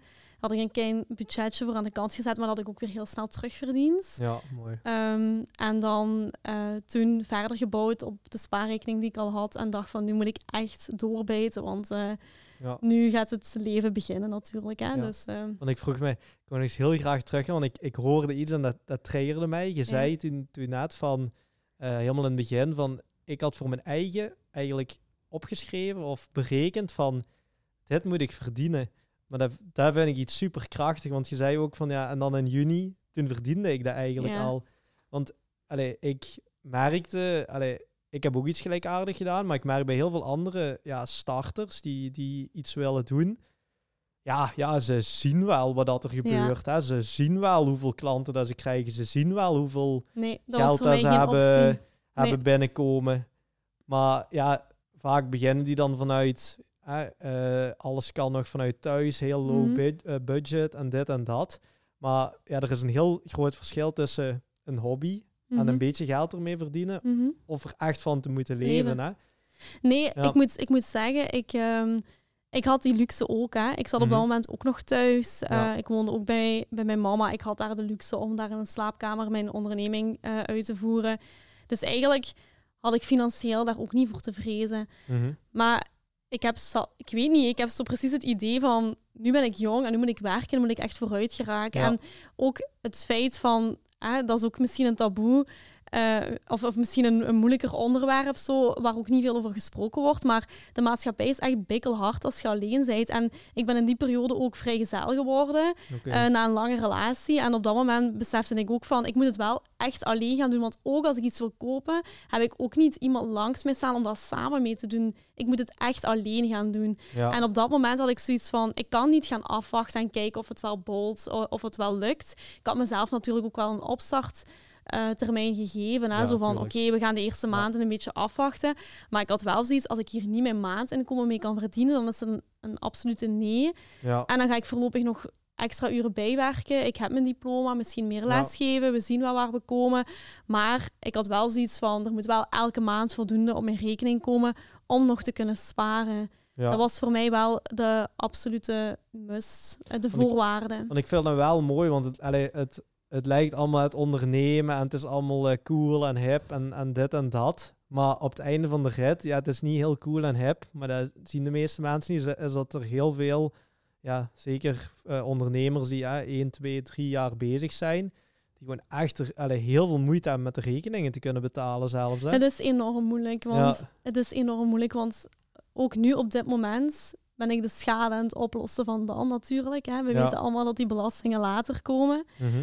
Ehm, ik heb nu op dit moment, um, ik had het gevoel dat het moeilijk was. En nu heb ik het gevoel, nu besef ik um, na wat contact met mijn boekhouder dat het heel moeilijk is. Ja, nu besef ik, het is echt bikkelhard. Het is ongelooflijk wat je moet betalen. Het is ongelooflijk wat je moet afgeven. Mhm. En ik ben eigenlijk een enorme controlefreak. En ik wil altijd alles van tevoren weten, voldoende vooraf betalen, voldoende weten. En eigenlijk ook ik zit er compleet naast. Zo van, amai, heb ik dit zo slecht ingeschat? Ja. Is het nog erger dan dit? Ja. Oké, we moeten bijstellen, we moeten, we moeten een nieuw plan hebben, we moeten ervoor gaan. Je bent constant aan het bijstellen, aan het aanpassen, constant um, het anders willen doen, moeten doen, omdat je er gewoon op de manier hoe dat je nu doet, gewoon in België niet geraakt. Zo. Mhm. En dat vind ik wel jammer, want dat schrikt veel mensen af. Maar na de negatieve praat die ik dan nu uh, een, een, minuut of zo heb gehad, wil ik wel zeggen, als ik het opnieuw kon doen, had ik het wel nog altijd gedaan. Hè? Ja, ja, dat wel. Dus ik wil zeker niemand daarvoor demotiveren. Nee, maar het is een leerproces hè, ook. Van ja, je begint, ja, we, werkt allemaal. Ja, uh, allez, je gaat nog niet te veel aan de kant zetten. Je zit blij dat er wat geld begint binnen te komen. Maar dan denk je, ja, je moet een boekhouder gaan zoeken. Mm zeker ook, ik weet nu vanuit eigen ervaring van ja, ze, de boekhouders staan tegenwoordig ook gewoon niet meer zo te springen om mensen in bijberoep of allez, zelfs eenmanszaken staan ze ook al niet meer. Uh, niet altijd, nee. Niet meer altijd om te springen, omdat ze weten van ja, als we een vennootschap doen, ja, dat kost ons eigenlijk ongeveer evenveel werk. Maar mm daar mhm. kunnen we wel een heel veel dikkere factuur aan schrijven. Ja, absoluut. Ja, dus, dus, en ik merk ook van die ondersteuning. Ik heb hetzelfde gehad van die boekhouder. Ja, je denkt dan van, oh, ik pak de boekhouder. Ja, ik weet er niet superveel van. Hè, nog niet. Mhm. Maar ja, ik, ik, wil wel een beetje die controle houden. En dan gaat je ervan uit dat die boekhouder u ook natuurlijk ja, het best, uh, best mogelijke advies en ondersteuning gaat geven. Maar de meeste boekhouders hebben het ook allemaal zo druk. En die hebben 50 of 100 van die klanten zoals u. Inderdaad. Dus die kunnen ook niet iedereen bij het handje vasthouden en bij elk ding zeggen van, oh, nu zit je over die drempel en nu moet je kosten maken voor dit en nu moet je dat doen. Ja. Dus, dus, en... Het is en blijft je eigen verantwoordelijkheid. Je moet echt mensen rondom je aan een mouw trekken, ja. hulp vragen, advies vragen. Ja. En echt je eigen onderneming blijven opvolgen. Want als je heel even afwijkt van het pad en heel even je aandacht op iets anders focust, dan kan het zijn dat je inderdaad voor een andere berg weer staat op ja, ondernemerschap. Je je put aan de ene kant en dan komt je er pas een half jaar later achter dat je eigenlijk zo'n put al hebt gegraven, terwijl je eigenlijk het gevoel had dat het misschien ja. net heel goed ging. Inderdaad. Ja. Dat is wel het jammere eraan. Um, Inderdaad. Ehm, maar het is en blijft inderdaad je eigen verantwoordelijkheid. En ehm, je moet er gewoon echt constant blijven focussen en constant mee bezig zijn, constant energie in steken. Maar als dat is en iets wat je graag doet, dan gaat dat vanzelf. Ja. Dan gaat dat echt heel goed, ja. Rietje, en dan, we hebben het eigenlijk nu de hele tijd al over ja, het verleden eigenlijk. Hè, van wat heb je allemaal gedaan om te komen waar dat je op dit moment zijt. Um, je hebt een hoop ups, een hoop ook downs gehad. Het, is mhm. geen, uh, het ondernemerschap is geen uh, perfect uh, recht parcours zonder hindernissen. Mm Het is, het is, het is ja, vaak struggelen. Um, maar ik ben dus heel benieuwd, want er zijn vast ook luisteraars die ja, ook overwegen om zelf iets te starten, die nu misschien nog allez, 18 of, of 20, 21 jaar zijn, die zo een beetje misschien op hetzelfde punt zitten. Um, waar jij op het moment zat mm dat je zelfstandige ging worden. Zijn er zo dingen dat je kunt zeggen van, oh, hier zou ik zeker op letten, of bepaalde tips of tricks die je hebt meegemaakt om, ja, om, om toch een beetje beter misschien voorbereid te zijn? Of, mm of... Um, als eerste, misschien het belangrijkste, uh, niet zozeer luisteren naar de mensen die heel dicht bij u staan. Want heel vaak hebben die niks te maken met hetgeen wat jij wilt of in de sector waar je zit. Um, altijd luisteren naar de personen die een stap voor staan op waar jij wilt staan. Die zo één stapje verder staan. Dus daar zeker naar luisteren. Uh, hun advies opvolgen. Niet van mensen die helemaal geen verband hebben met uw sector of met het ondernemersleven. Dat is ook niet, niet hun advies opvolgen, alleszins. Ja, dat is een groot probleem, hè? Heel groot probleem. En dan als tweede um, een goede boekhouder. Ja. Een goede boekhouder vinden. Um, daar zou je echt al hopen tijd besparen om... Um, en geld. Tijd en geld. ja. Goed dat je het benadrukt. en voor de rest, uh, omring u met mensen die je energie geven. Ja. Ja.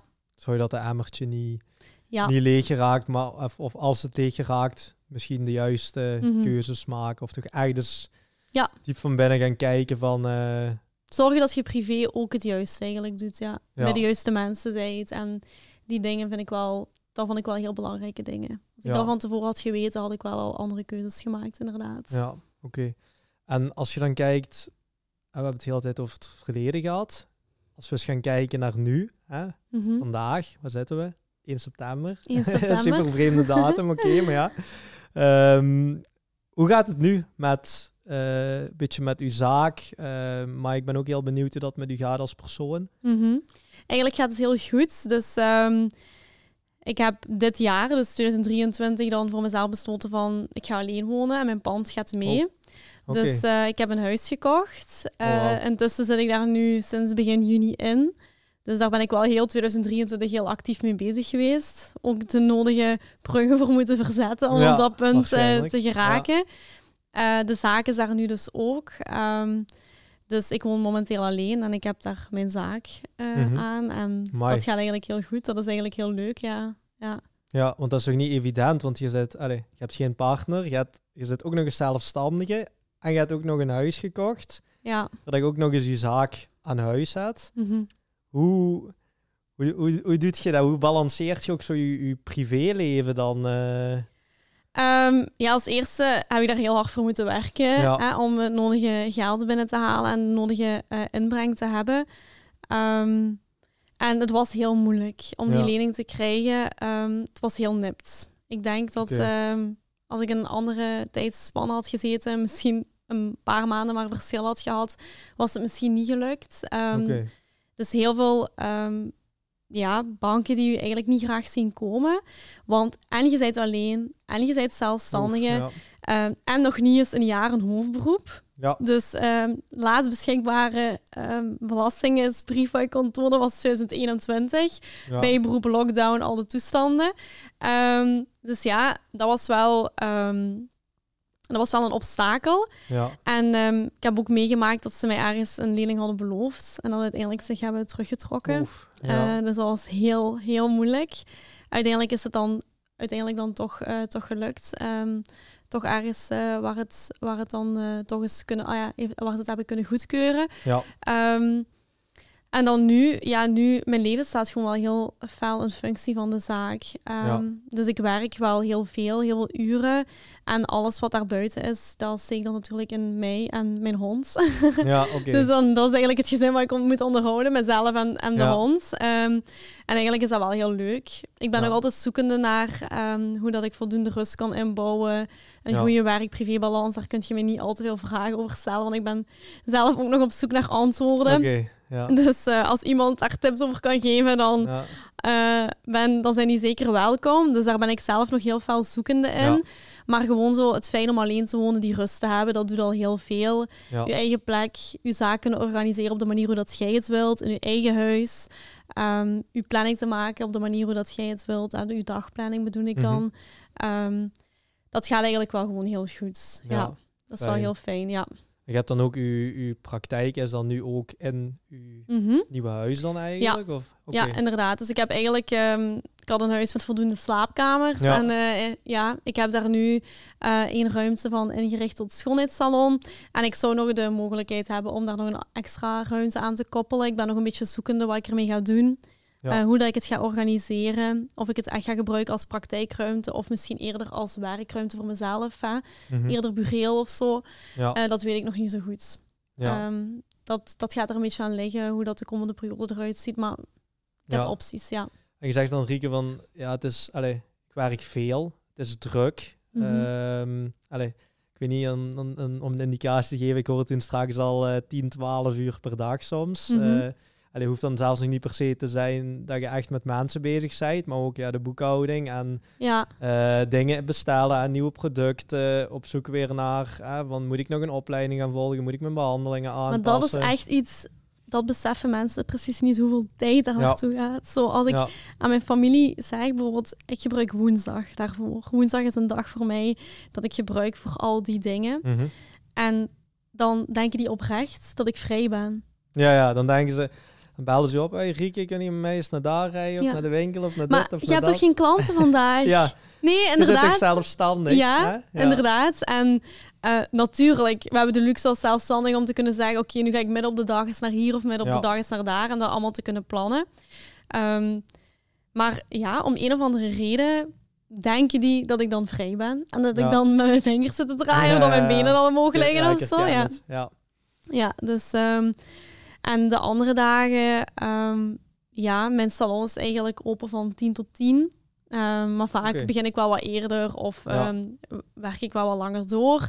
Soms heb ik ook tussendoor wel eens een uur pauze. Probeer ik wel uh, te doen. Soms lukt dat niet, soms lukt het wel. Nu in de zomer is het wat rustiger geweest, omdat de lesuren op Centra zijn weggevallen. Veel mensen gaan op vakantie. Ik ben zelf ook uh, een weekje ertussenuit geweest. Dus uiteindelijk, ja, het, het, zelfstandige leven brengt gewoon wat het brengt. Hè, zo. Ja. En uh, dat is kunt, wel... Je kunt nooit een half jaar op voorhand weten wat er gaat gebeuren. Hè? Nee, inderdaad. En dat, dat is wel heel, heel fijn, hè? Dat, mm dat het altijd heel wisselend is. Dus er zijn echt periodes dat ik me echt kapot werk en uh, zo moe ben, zoveel heb gewerkt. Maar hè, natuurlijk, hè, je krijgt er wel heel veel energie uh, van. En dan andere periodes, dan heb ik wel zo eens een rustigere week. Um, nu, echt rustig is het natuurlijk nooit. Je zit nog altijd meer dan 40 uur per week aan het werken. Dat is wel zo uiteindelijk. Hè, zeker als je gaat kijken wat er nog allemaal bij komt kijken, zoals inderdaad die administratie, de bestellingen doen, het poetsen, het, uit, het verder uh, alle uitwerken van je protocollen en meer op zoek gaan naar hoe kan ik groter worden. Zo, uiteindelijk, je zit wel altijd bezig. Al is het s'avonds in je bed, het kwartier voordat je gaat slapen, en je zit toch nog grap een post aan het maken of toch nog grap een filmpje aan het ontwerpen uiteindelijk zit je toch nog altijd bezig. Of nadenken, hè. Heel nadenken. veel nadenken, hè, van wat, wat met dit? Oh, wat als dat gebeurt? Uh, ja. hè, je zit altijd zo... Je, je hersenen blijven gewoon bezig, hè. Ja. Als je niet oplet, zoals zelfstandig. Want er is altijd nog zoveel wat gedaan moet worden. Er is... De to-do-lijsten blijven komen. Ja. Soms denk ik, is die ooit af? Ja, en dan denk ik, maak je geen illusies, die is nooit af. Nee. En dat is de keuze die je hebt Want gemaakt. Je zit altijd aan het bouwen of aan het, aan, het, aan het uitvoeren weer. En je moet ook weer naar de toekomst kijken. Hè, maar het verleden achtervolg je ook nog. Hè, de belastingbrieven of de mhm. sociale bijdrage die pas twee jaar later dan uh, voor twee jaar geleden in de brievenbus valt en zo. Inderdaad, ja. Dus je zit, altijd, ja, je zit altijd bezig. En dan vroeg ik me af, van, zijn er manieren dat jij dan probeert om even te ontsnappen van die mhm. drukte? Ehm, ja, ik ben dan inderdaad nog wel wat zoekende. Mm Probeer wel uh, wat rust te vinden in sport en zo. Ja. Maar ik heb eigenlijk een heel goed netwerk aan vrienden. Oké. Ehm, dat is de laatste drie jaren is dat wel ook veranderd. Die vriendinnengroep die ik op het maatschappelijk werk heb leren kennen, die zijn er nog altijd. Dus dat was ook wel mhm. zo heel frappant dat zij zo meest steunend waren. En dat zij nu op dit punt er ook nog altijd zijn en ook allemaal klant zijn en zo. Dus dat is oh, super tof. Ehm, de andere mensen die, daarbuiten, die ik daarbuiten heb ontmoet, die eigenlijk nog dichter bij mij staan nu op dit moment, die heb ik gaandeweg het ondernemersleven leren kennen. En je voelt dat het een heel andere band is of een verstandhouding dan de relaties die je voorheen had. Ja. Er zijn heel veel andere waarden en normen ehm, van toepassing of gaande in die vriendschap. Je hebt op een heel andere manier eigenlijk uh, connectie. En um, dat zijn ook echt, vooral mijn beste vriendinnen zijn echt vrouwen naar waar ik opkijk. Okay. Die mij ook elke dag energie geven om te blijven doorgaan. Ja. Um, omdat ik zie van, eigenlijk zijn al onze levens super verschillend, maar toch hebben we allemaal dat gemeenschappelijke. Mm um, en je merkt dat die ambitie echt in iedereen schuilt. Ja. Ook degene die dat misschien in, op een loondienst doen, mm ook zij uh, hebben zoveel in een mars en um, zoveel goesting om dingen te ondernemen. En we hebben allemaal zo dat gemeenschappelijk punt en die waarden en normen. Ook um, op relationeel vlak, andere domeinen, um, heel veel dezelfde interesses. En echt een ja, heel moeilijk uit te leggen hoe een diepgaande connectie ik eigenlijk heb met, uh, met vrienden. Oh, en vooral mijn vriendinnen, ja. En ja. Uh, dat houdt mij wel echt staan. Die inspireren mij elke dag. Ik ben heel blij dat ik hun rondom mij heb. En voor mij voelt het eigenlijk als familie, ja. Ja, oh, fijn. Dus dat je toch zegt van ik kan bij de juiste vriendinnen, kan ik... Ja. Allee, even tot rust komen. Allee, soms gaat het dus over de zaak, soms gaat het er mhm. niet over, maar die begrijpen mij op de een of andere manier. Uh, omdat die ook allee, ambitieus zijn en mhm. toch, uh, toch ook misschien iets meer willen dan, uh, ja. dan, dan het doorsnee leven. Want ja.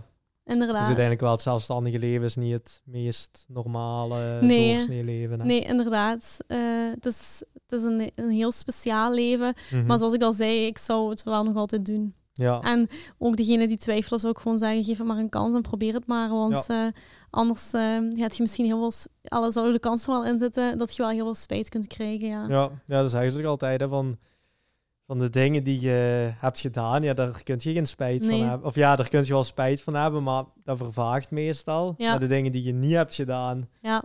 daar heb je vaak het meeste spijt van. Want mhm. daar weet je ook niet van hoe dat, is, hoe dat het allez, verlo zou verlopen zijn. Of, of wat de uitkomst daarvan uh, Inderdaad. zou zijn geweest. Hè? Absoluut.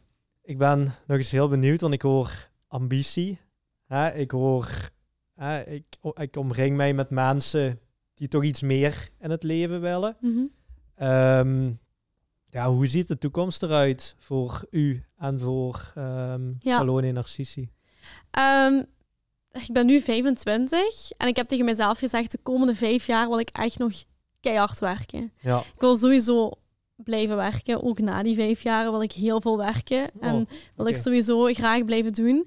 Uh, maar de komende vijf jaar uh, wil ik nog veel verandering brengen het veel meer gaan inrichten, inrichten naar wat voor mij werkbaar is. Zodat ik mhm. niet alleen ook mijn, eh, dus mijn huis afbetaald krijg, maar daarbuiten ook wel um, privé iets meer vrijheid kan hebben, iets meer marge.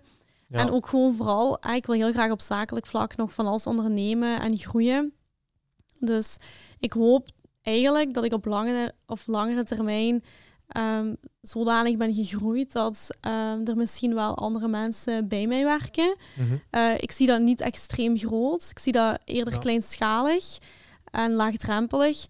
En ik kan ook nog niet heel concreet zeggen dan welke behandelingen er dan nodig gaan zijn of um, met wat ik dan wil uitbreiden. Ja. Maar ik wil echt wel die missie of de visie die van tevoren er al in zat met het idee van gezond narcisme. En dus dat idee wil ik echt blijven behouden. Betekent dat dat er nog meer schoonheidsbehandelingen um, gaan georganiseerd worden? Misschien betekent dat dat er misschien toch ook een therapeut gaat komen en dat we een soort van concept zijn in een bepaald pand met zowel schoonheidsbehandeling als therapie of workshop-sessies rond um, het vrouw zijn, zelfliefde, uh, zelfvertrouwen, zelfzorg, um, het gezond narcisme, al die onderwerpen betekent dat dat dan, ik denk zo'n beetje in die richting vooral. Waarbij ik het wel heel belangrijk vind dat ik nog altijd de behandelingen uitvoer die ik op dit moment doe. Met de klanten die ik op dit moment ook heb. En er mogen er natuurlijk altijd bij komen, heel graag zelfs. Maar um, ik wil wel gewoon nog altijd heel. Ik, sta, al, ik vind dat menselijk contact en dat nauw persoonlijk contact heel belangrijk. Ja. Dat is ook een steunpilaar van de zaak. Dus als dat er niet meer is, dan weet ik ook niet wat er wel gaat zijn. En dan weet ik ook niet of het nog salon in narcisie is.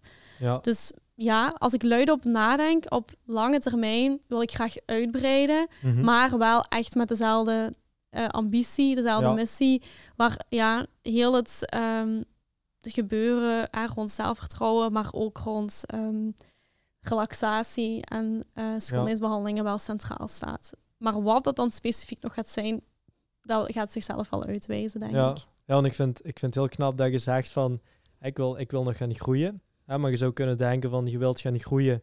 En je gaat van, allez, ik zeg maar iets, uh, eh, 100 klanten, gaat je naar 200 klanten. Ja, dan komt je er snel achter van ja, je gaat dat waarschijnlijk niet meer allemaal zelf kunnen doen. Mm -hmm. Tenzij dat je dag en nacht werkt, maar niemand die mhm. gaat om twee uur s'nachts nog, uh, of ja, het kan wel zijn, misschien een massage of zo, maar voor de rest uh, gaat er niemand dan meer langskomen. Dus ja, dan denk ik toch dat je dan allez, misschien er, er tegenaan gaat lopen. Je eigen tijd is maar beperkt. Mm -hmm dan zou je iemand anders erbij pakken. Maar dan zeg je daar langs van, ja, maar ik wil het misschien, alleen misschien is het wel interessant om het iets meer open te trekken. Hè? Dat je echt, ja. wat eigenlijk denk ik ook je, een soort van superpower is, dat je in het begin, allee, vandaag ook al aangaf van, ja, mijn insteek bij schoonheidsspecialist worden is een beetje geweest, ik wil ja, mensen allee, een, een natuurlijke schoonheden in de verf zetten. Ik wil dat vertrouwen, dat zelfvertrouwen wil ik stimuleren. Ik wil aan vrouwen laten merken van kijk, je bent zoveel meer dan dat je misschien denkt. Mhm.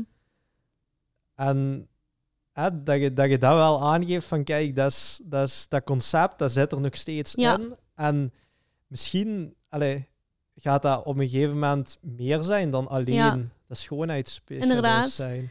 Ja, het, het blijft de kern. Ja. En als ik dan luid op nadenk van, gaat het mij dan echt gelukkig maken als ik ervoor zorg dat nog iemand een pedicure komt doen, dan denk ik, nee, dat is denk ik mhm. niet de richting die ik wil uitgaan.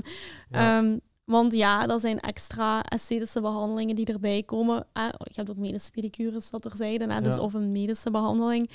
Maar dan denk ik ergens, nee, um, ik doe heel veel huidverbetering. Ehm, en ja, dus echt huidverzorging, huidverbetering. Daar ligt mijn vakgebied. Daarin mhm. wil ik als persoon groeien. Maar de achterliggende boodschap is dan het concept inderdaad uzelf graag zien, uw natuurlijke schoonheid naar boven laten komen, het gezond narcisme. Dus wil ik dan ook dat als ik ga uitbreiden, dat die kern blijft. En als ik dat gaat uiten in andere soort behandelingen, dan sta ik daar volledig voor open. Ja, ik denk ehm, dat dat net misschien heel interessant kan zijn. Ja. Omdat ik ook aangeef van, kijk, ja, ik vind het nog steeds heel leuk om zelf ook dingen te doen. Mhm. Ik denk, ja, als jij mag groeien en groeien puur op schoonheidsspecialist gefocust, dan gaat je op een gegeven moment ook mensen en mensen moeten aannemen. En hoe meer klanten, hoe mhm. meer personeel dat je ook gaat moeten hebben.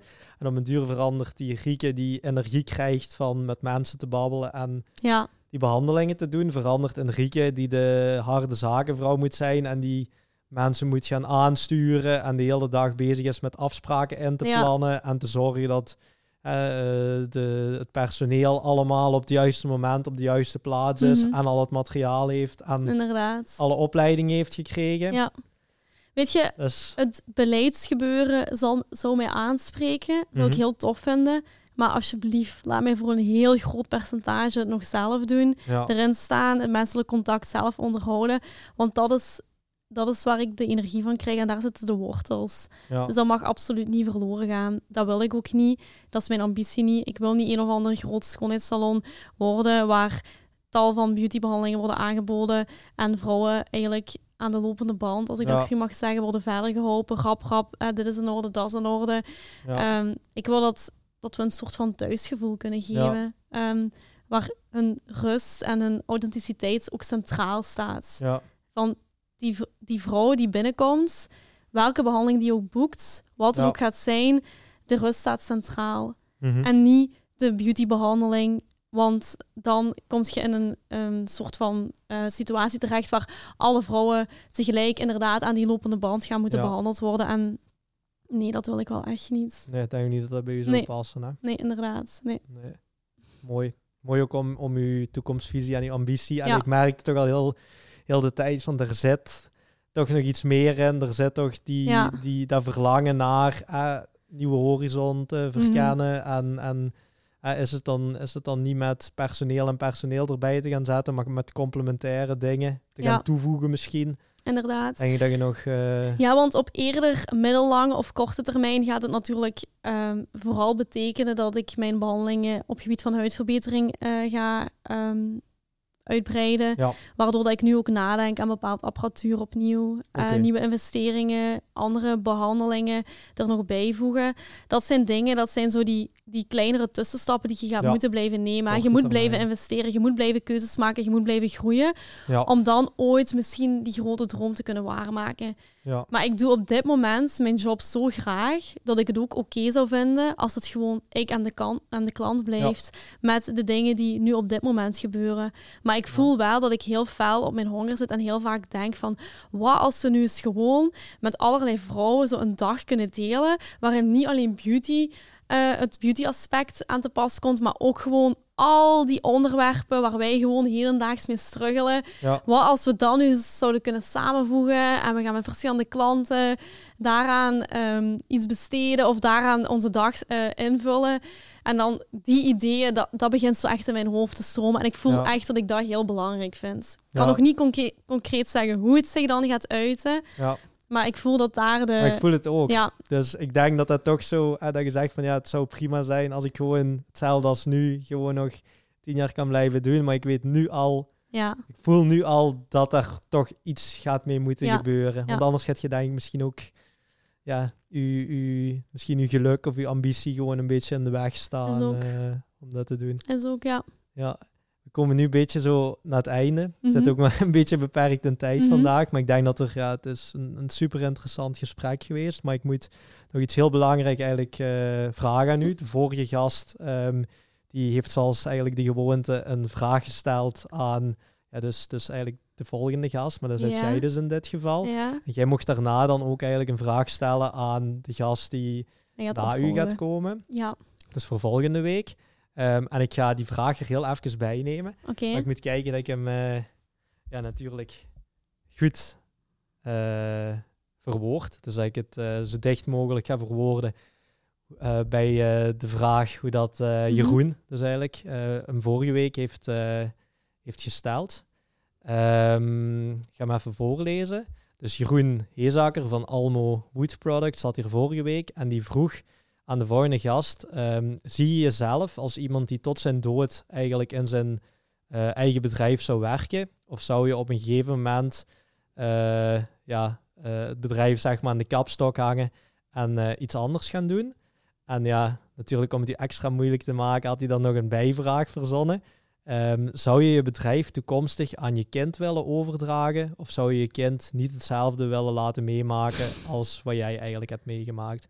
Dus maar we zullen beginnen met, um, zou je je bedrijf uh, allez, willen verder zetten tot dat je op pensioen gaat? Ja, absoluut.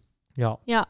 Ik, zoals ik net al zei, ik ga niet thuis zitten en de rest laten uitvoeren. Ja. Als ik ooit die luxe krijg, dan zou ik mij vereerd voelen dat ik op dat punt ben kunnen komen. Ja. En dat ik zodanig ben kunnen alle groeien, dat ik niets hoef te doen en dat anderen het overnemen. Maar dat is echt niet wie ik ben. Dus nee, ehm, ik wil inderdaad graag blijven doordoen totdat ik um, kom te overlijden. Mhm. Liefst. Mm Hopelijk wel misschien de laatste paar jaartjes Iets van aan. Ja. uitbollen. In 12 uur meer. Maar. Nee. um, en ook ja, ik heb ook wel privé wel wensen en zo natuurlijk. dus ja, ik hoop dat er een goede balans komt natuurlijk. maar nee, ik wil deze job echt blijven doen. Ja. Je, zou, je zou wel allee, iets nog in die wellness en de mentale gezondheid en dan maatschappelijk ja. wel blijven willen doen. Het is niet dat je zegt van, oh, ik zie dit nu nog vijf jaar en dan zou ik misschien, allez, ik zeg Totaal iets, anders. Uh, schrijnwerker of zo willen worden, want hij interesseert me ook. Um, nee. nee. Nee, nee, ik blijf dit wel echt doen. Ja. ik heb wel nog andere interesses, maar ik denk niet dat die echt... Misschien niet professioneel dan. Denk je niet. Misschien er dan bij, maar ik ga dit niet laten vallen. Maar erbij ook nog, ja. Oké, en dan ja, de de extra ook nog. Uh, zou je bedrijf toekomstig aan je kind willen overdragen? Of zou je die niet hetzelfde... Allee, moest je kinderen wel natuurlijk. Mm kan ook zijn uh, dat je geen kinderen wenst. Mm maar zou je die... Allee, of zelfs hypothetisch gezien, zou je iemand anders hetzelfde willen laten meemaken als wat jij hebt meegemaakt? Um, als we het dan nu puur over mijn kind zouden hebben, dan wil ik vooral dat hij doet wat hij graag doet. Ja. Dus um, ik wil zeker niet de persoon zijn die zegt, je moet mijn bedrijf verder overnemen. Uh, iedereen heeft maar één leven, dus wie ben ik om dan te zeggen, jij moet dit doen? Ik wil eigenlijk dat hij vooral doet uh, wat uh, hij of zij graag doet. Ja. Is dat, zijn dat dezelfde interesses? Top. Um, betekent dat dat ik dan ga zeggen, ik wil niet dat hij dit meemaakt. ik ben er een beter en um, uh, ja, een beter persoon door geworden. Ik heb, ben, uh, ik heb mezelf meer kunnen ontplooien, veel meer mezelf kunnen actualiseren. En als dat mijn kind mag meemaken, dan vind ik, ik vind dat positief. Dus ja, ja het is heel stress, het is heel zwaar, maar uh, dan ben ik er om die te steunen. Hè? En okay. dus als dat dit zijn of haar ambitie zou zijn, dan ehm, ja, dan absoluut. En anders, als hij heel graag iets anders wil doen, dan steun ik die in welke keuze dat hij maakt. Ja, ja. oké, mooi. Ja. En dan als laatste nog uh, uw vraag hè, ja. aan de volgende. Ja, je weet, je weet eigenlijk ook nooit wie dat er hier als volgende gaat komen. Nee. Dus uh, dat is ook wel een beetje het leuke eraan. Ja. Dat, kan, dat kunnen van allerlei profielen zijn. Heb je zo'n vraag die je, die je graag zou stellen? Ja, ik zou eigenlijk willen weten van de volgende persoon, als hij hier zou komen, uh, als hij dan hier komt, zou ik willen weten van, stel uh, als hij de keuze had van, uh, ik kon op dezelfde manier beginnen zoals nu, dus eh, met de middelen die hij op dat moment had, um, of hij zou eigenlijk kunnen beginnen met een heel groot budget, welke keuze hij zou maken. Omdat okay. Ehm, het budget maakt het makkelijker. Um, ja Maar ik denk dat zo de opstartfase, zoals wij daar straks, waar wij daar, daar straks ook even over hebben gehad, de opstartfase en de kick om het allemaal zelf te verwezenlijken, een heel belangrijk aspect is van je job op dit moment heel graag doen. Dus daarom ben ik heel benieuwd van, als je de keuze zou hebben om een gigantisch budget te hebben voor je zaak, uh, zou je dan daarmee beginnen, uh, wilde daarmee beginnen? Of zou je gewoon op dezelfde manier begonnen zijn als dat je het nu had moeten doen? Ja, ja. dus eigenlijk de vraag van, zou je met een zak geld, en ik zeg niet die je op de een of andere manier hebt verkregen, of, of van familie of een investeerder of dit, dat, zou willen starten? Of zou je met inderdaad je eigen privé spaarcentjes, hè, wat je hier met die studentenjobje en daar... Omdat hij het nu eh, eigenlijk heeft gedaan, ja. Ja, ja. Dus met, het kan allebei natuurlijk. Kan Het kan zijn dat er iemand is die hier de volgende keer komt, die inderdaad een serieus budget heeft gekregen. Ja. het kan ook even goed zijn dat hij vanuit nul is begonnen. Dus, uh, maar dan onthoud ik vooral van, uh, ja, zou je het puur op eigen middelen, met uw eigen spaargeld doen? Of zou je zeggen van, ah, ik had misschien liever toch, want in het geval dat hij het wel met zijn eigen middelen heeft gedaan, ik had toch wel het gevoel dat ik altijd iets trager of zo kon groeien en mijn investeringen allemaal heel mhm. lang heb moeten uitstellen. omdat ik eigenlijk het geld er toen niet voor had. Terwijl als ik die investering misschien had kunnen doen, dan had ik misschien ook sneller iets meer centjes verdiend. Waardoor dat ook weer ten goede kwam van het, uh, van het bedrijf. Inderdaad. Maar dat vind ik een heel goede vraag. Dus, Moeilijke uh, vraag. Ja. Ik zou, ja, ik zou het ook um, heel aan, aanlokkelijk of aantrekkelijk vinden om te kunnen zeggen: Oh wauw, nee, ik begin gewoon. Maar met dit geld kan ik echt gewoon um, ja. kei dik starten en mijn, mijn dromen waarmaken. Ja, maar het is hot, hè. Het is heel hot om, om allez, een start-up te doen, investeerders te gaan aantrekken, een zot idee te gaan pitchen en verkopen, om dan eh, geld bij mhm. investeerders op te halen. Maar ja, ik heb er altijd zo'n dubbel gevoel bij, want ja, dat is niet uw geld. Dus jij moet ook wel altijd uw verantwoording vaak dan afleggen. Ja, mhm. tenzij dat natuurlijk misschien van uw ouders of zo is. Maar dan zelfs nog moet je misschien een beetje verantwoording afleggen.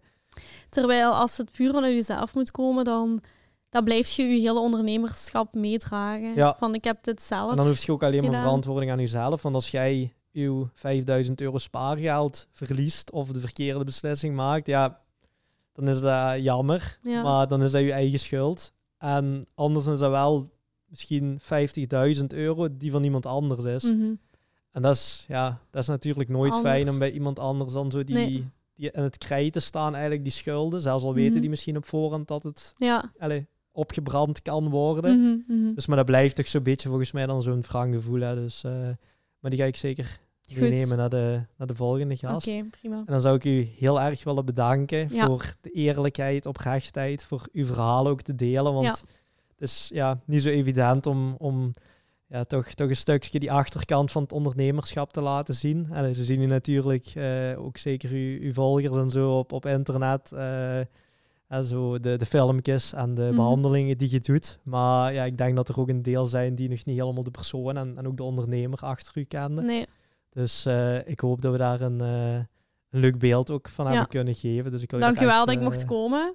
Ja. ik mijn verhaal mocht delen. Dus dat was zeker een Heel leuke, leuke kans. Ja. ja, Super. Goed, dank u. Top.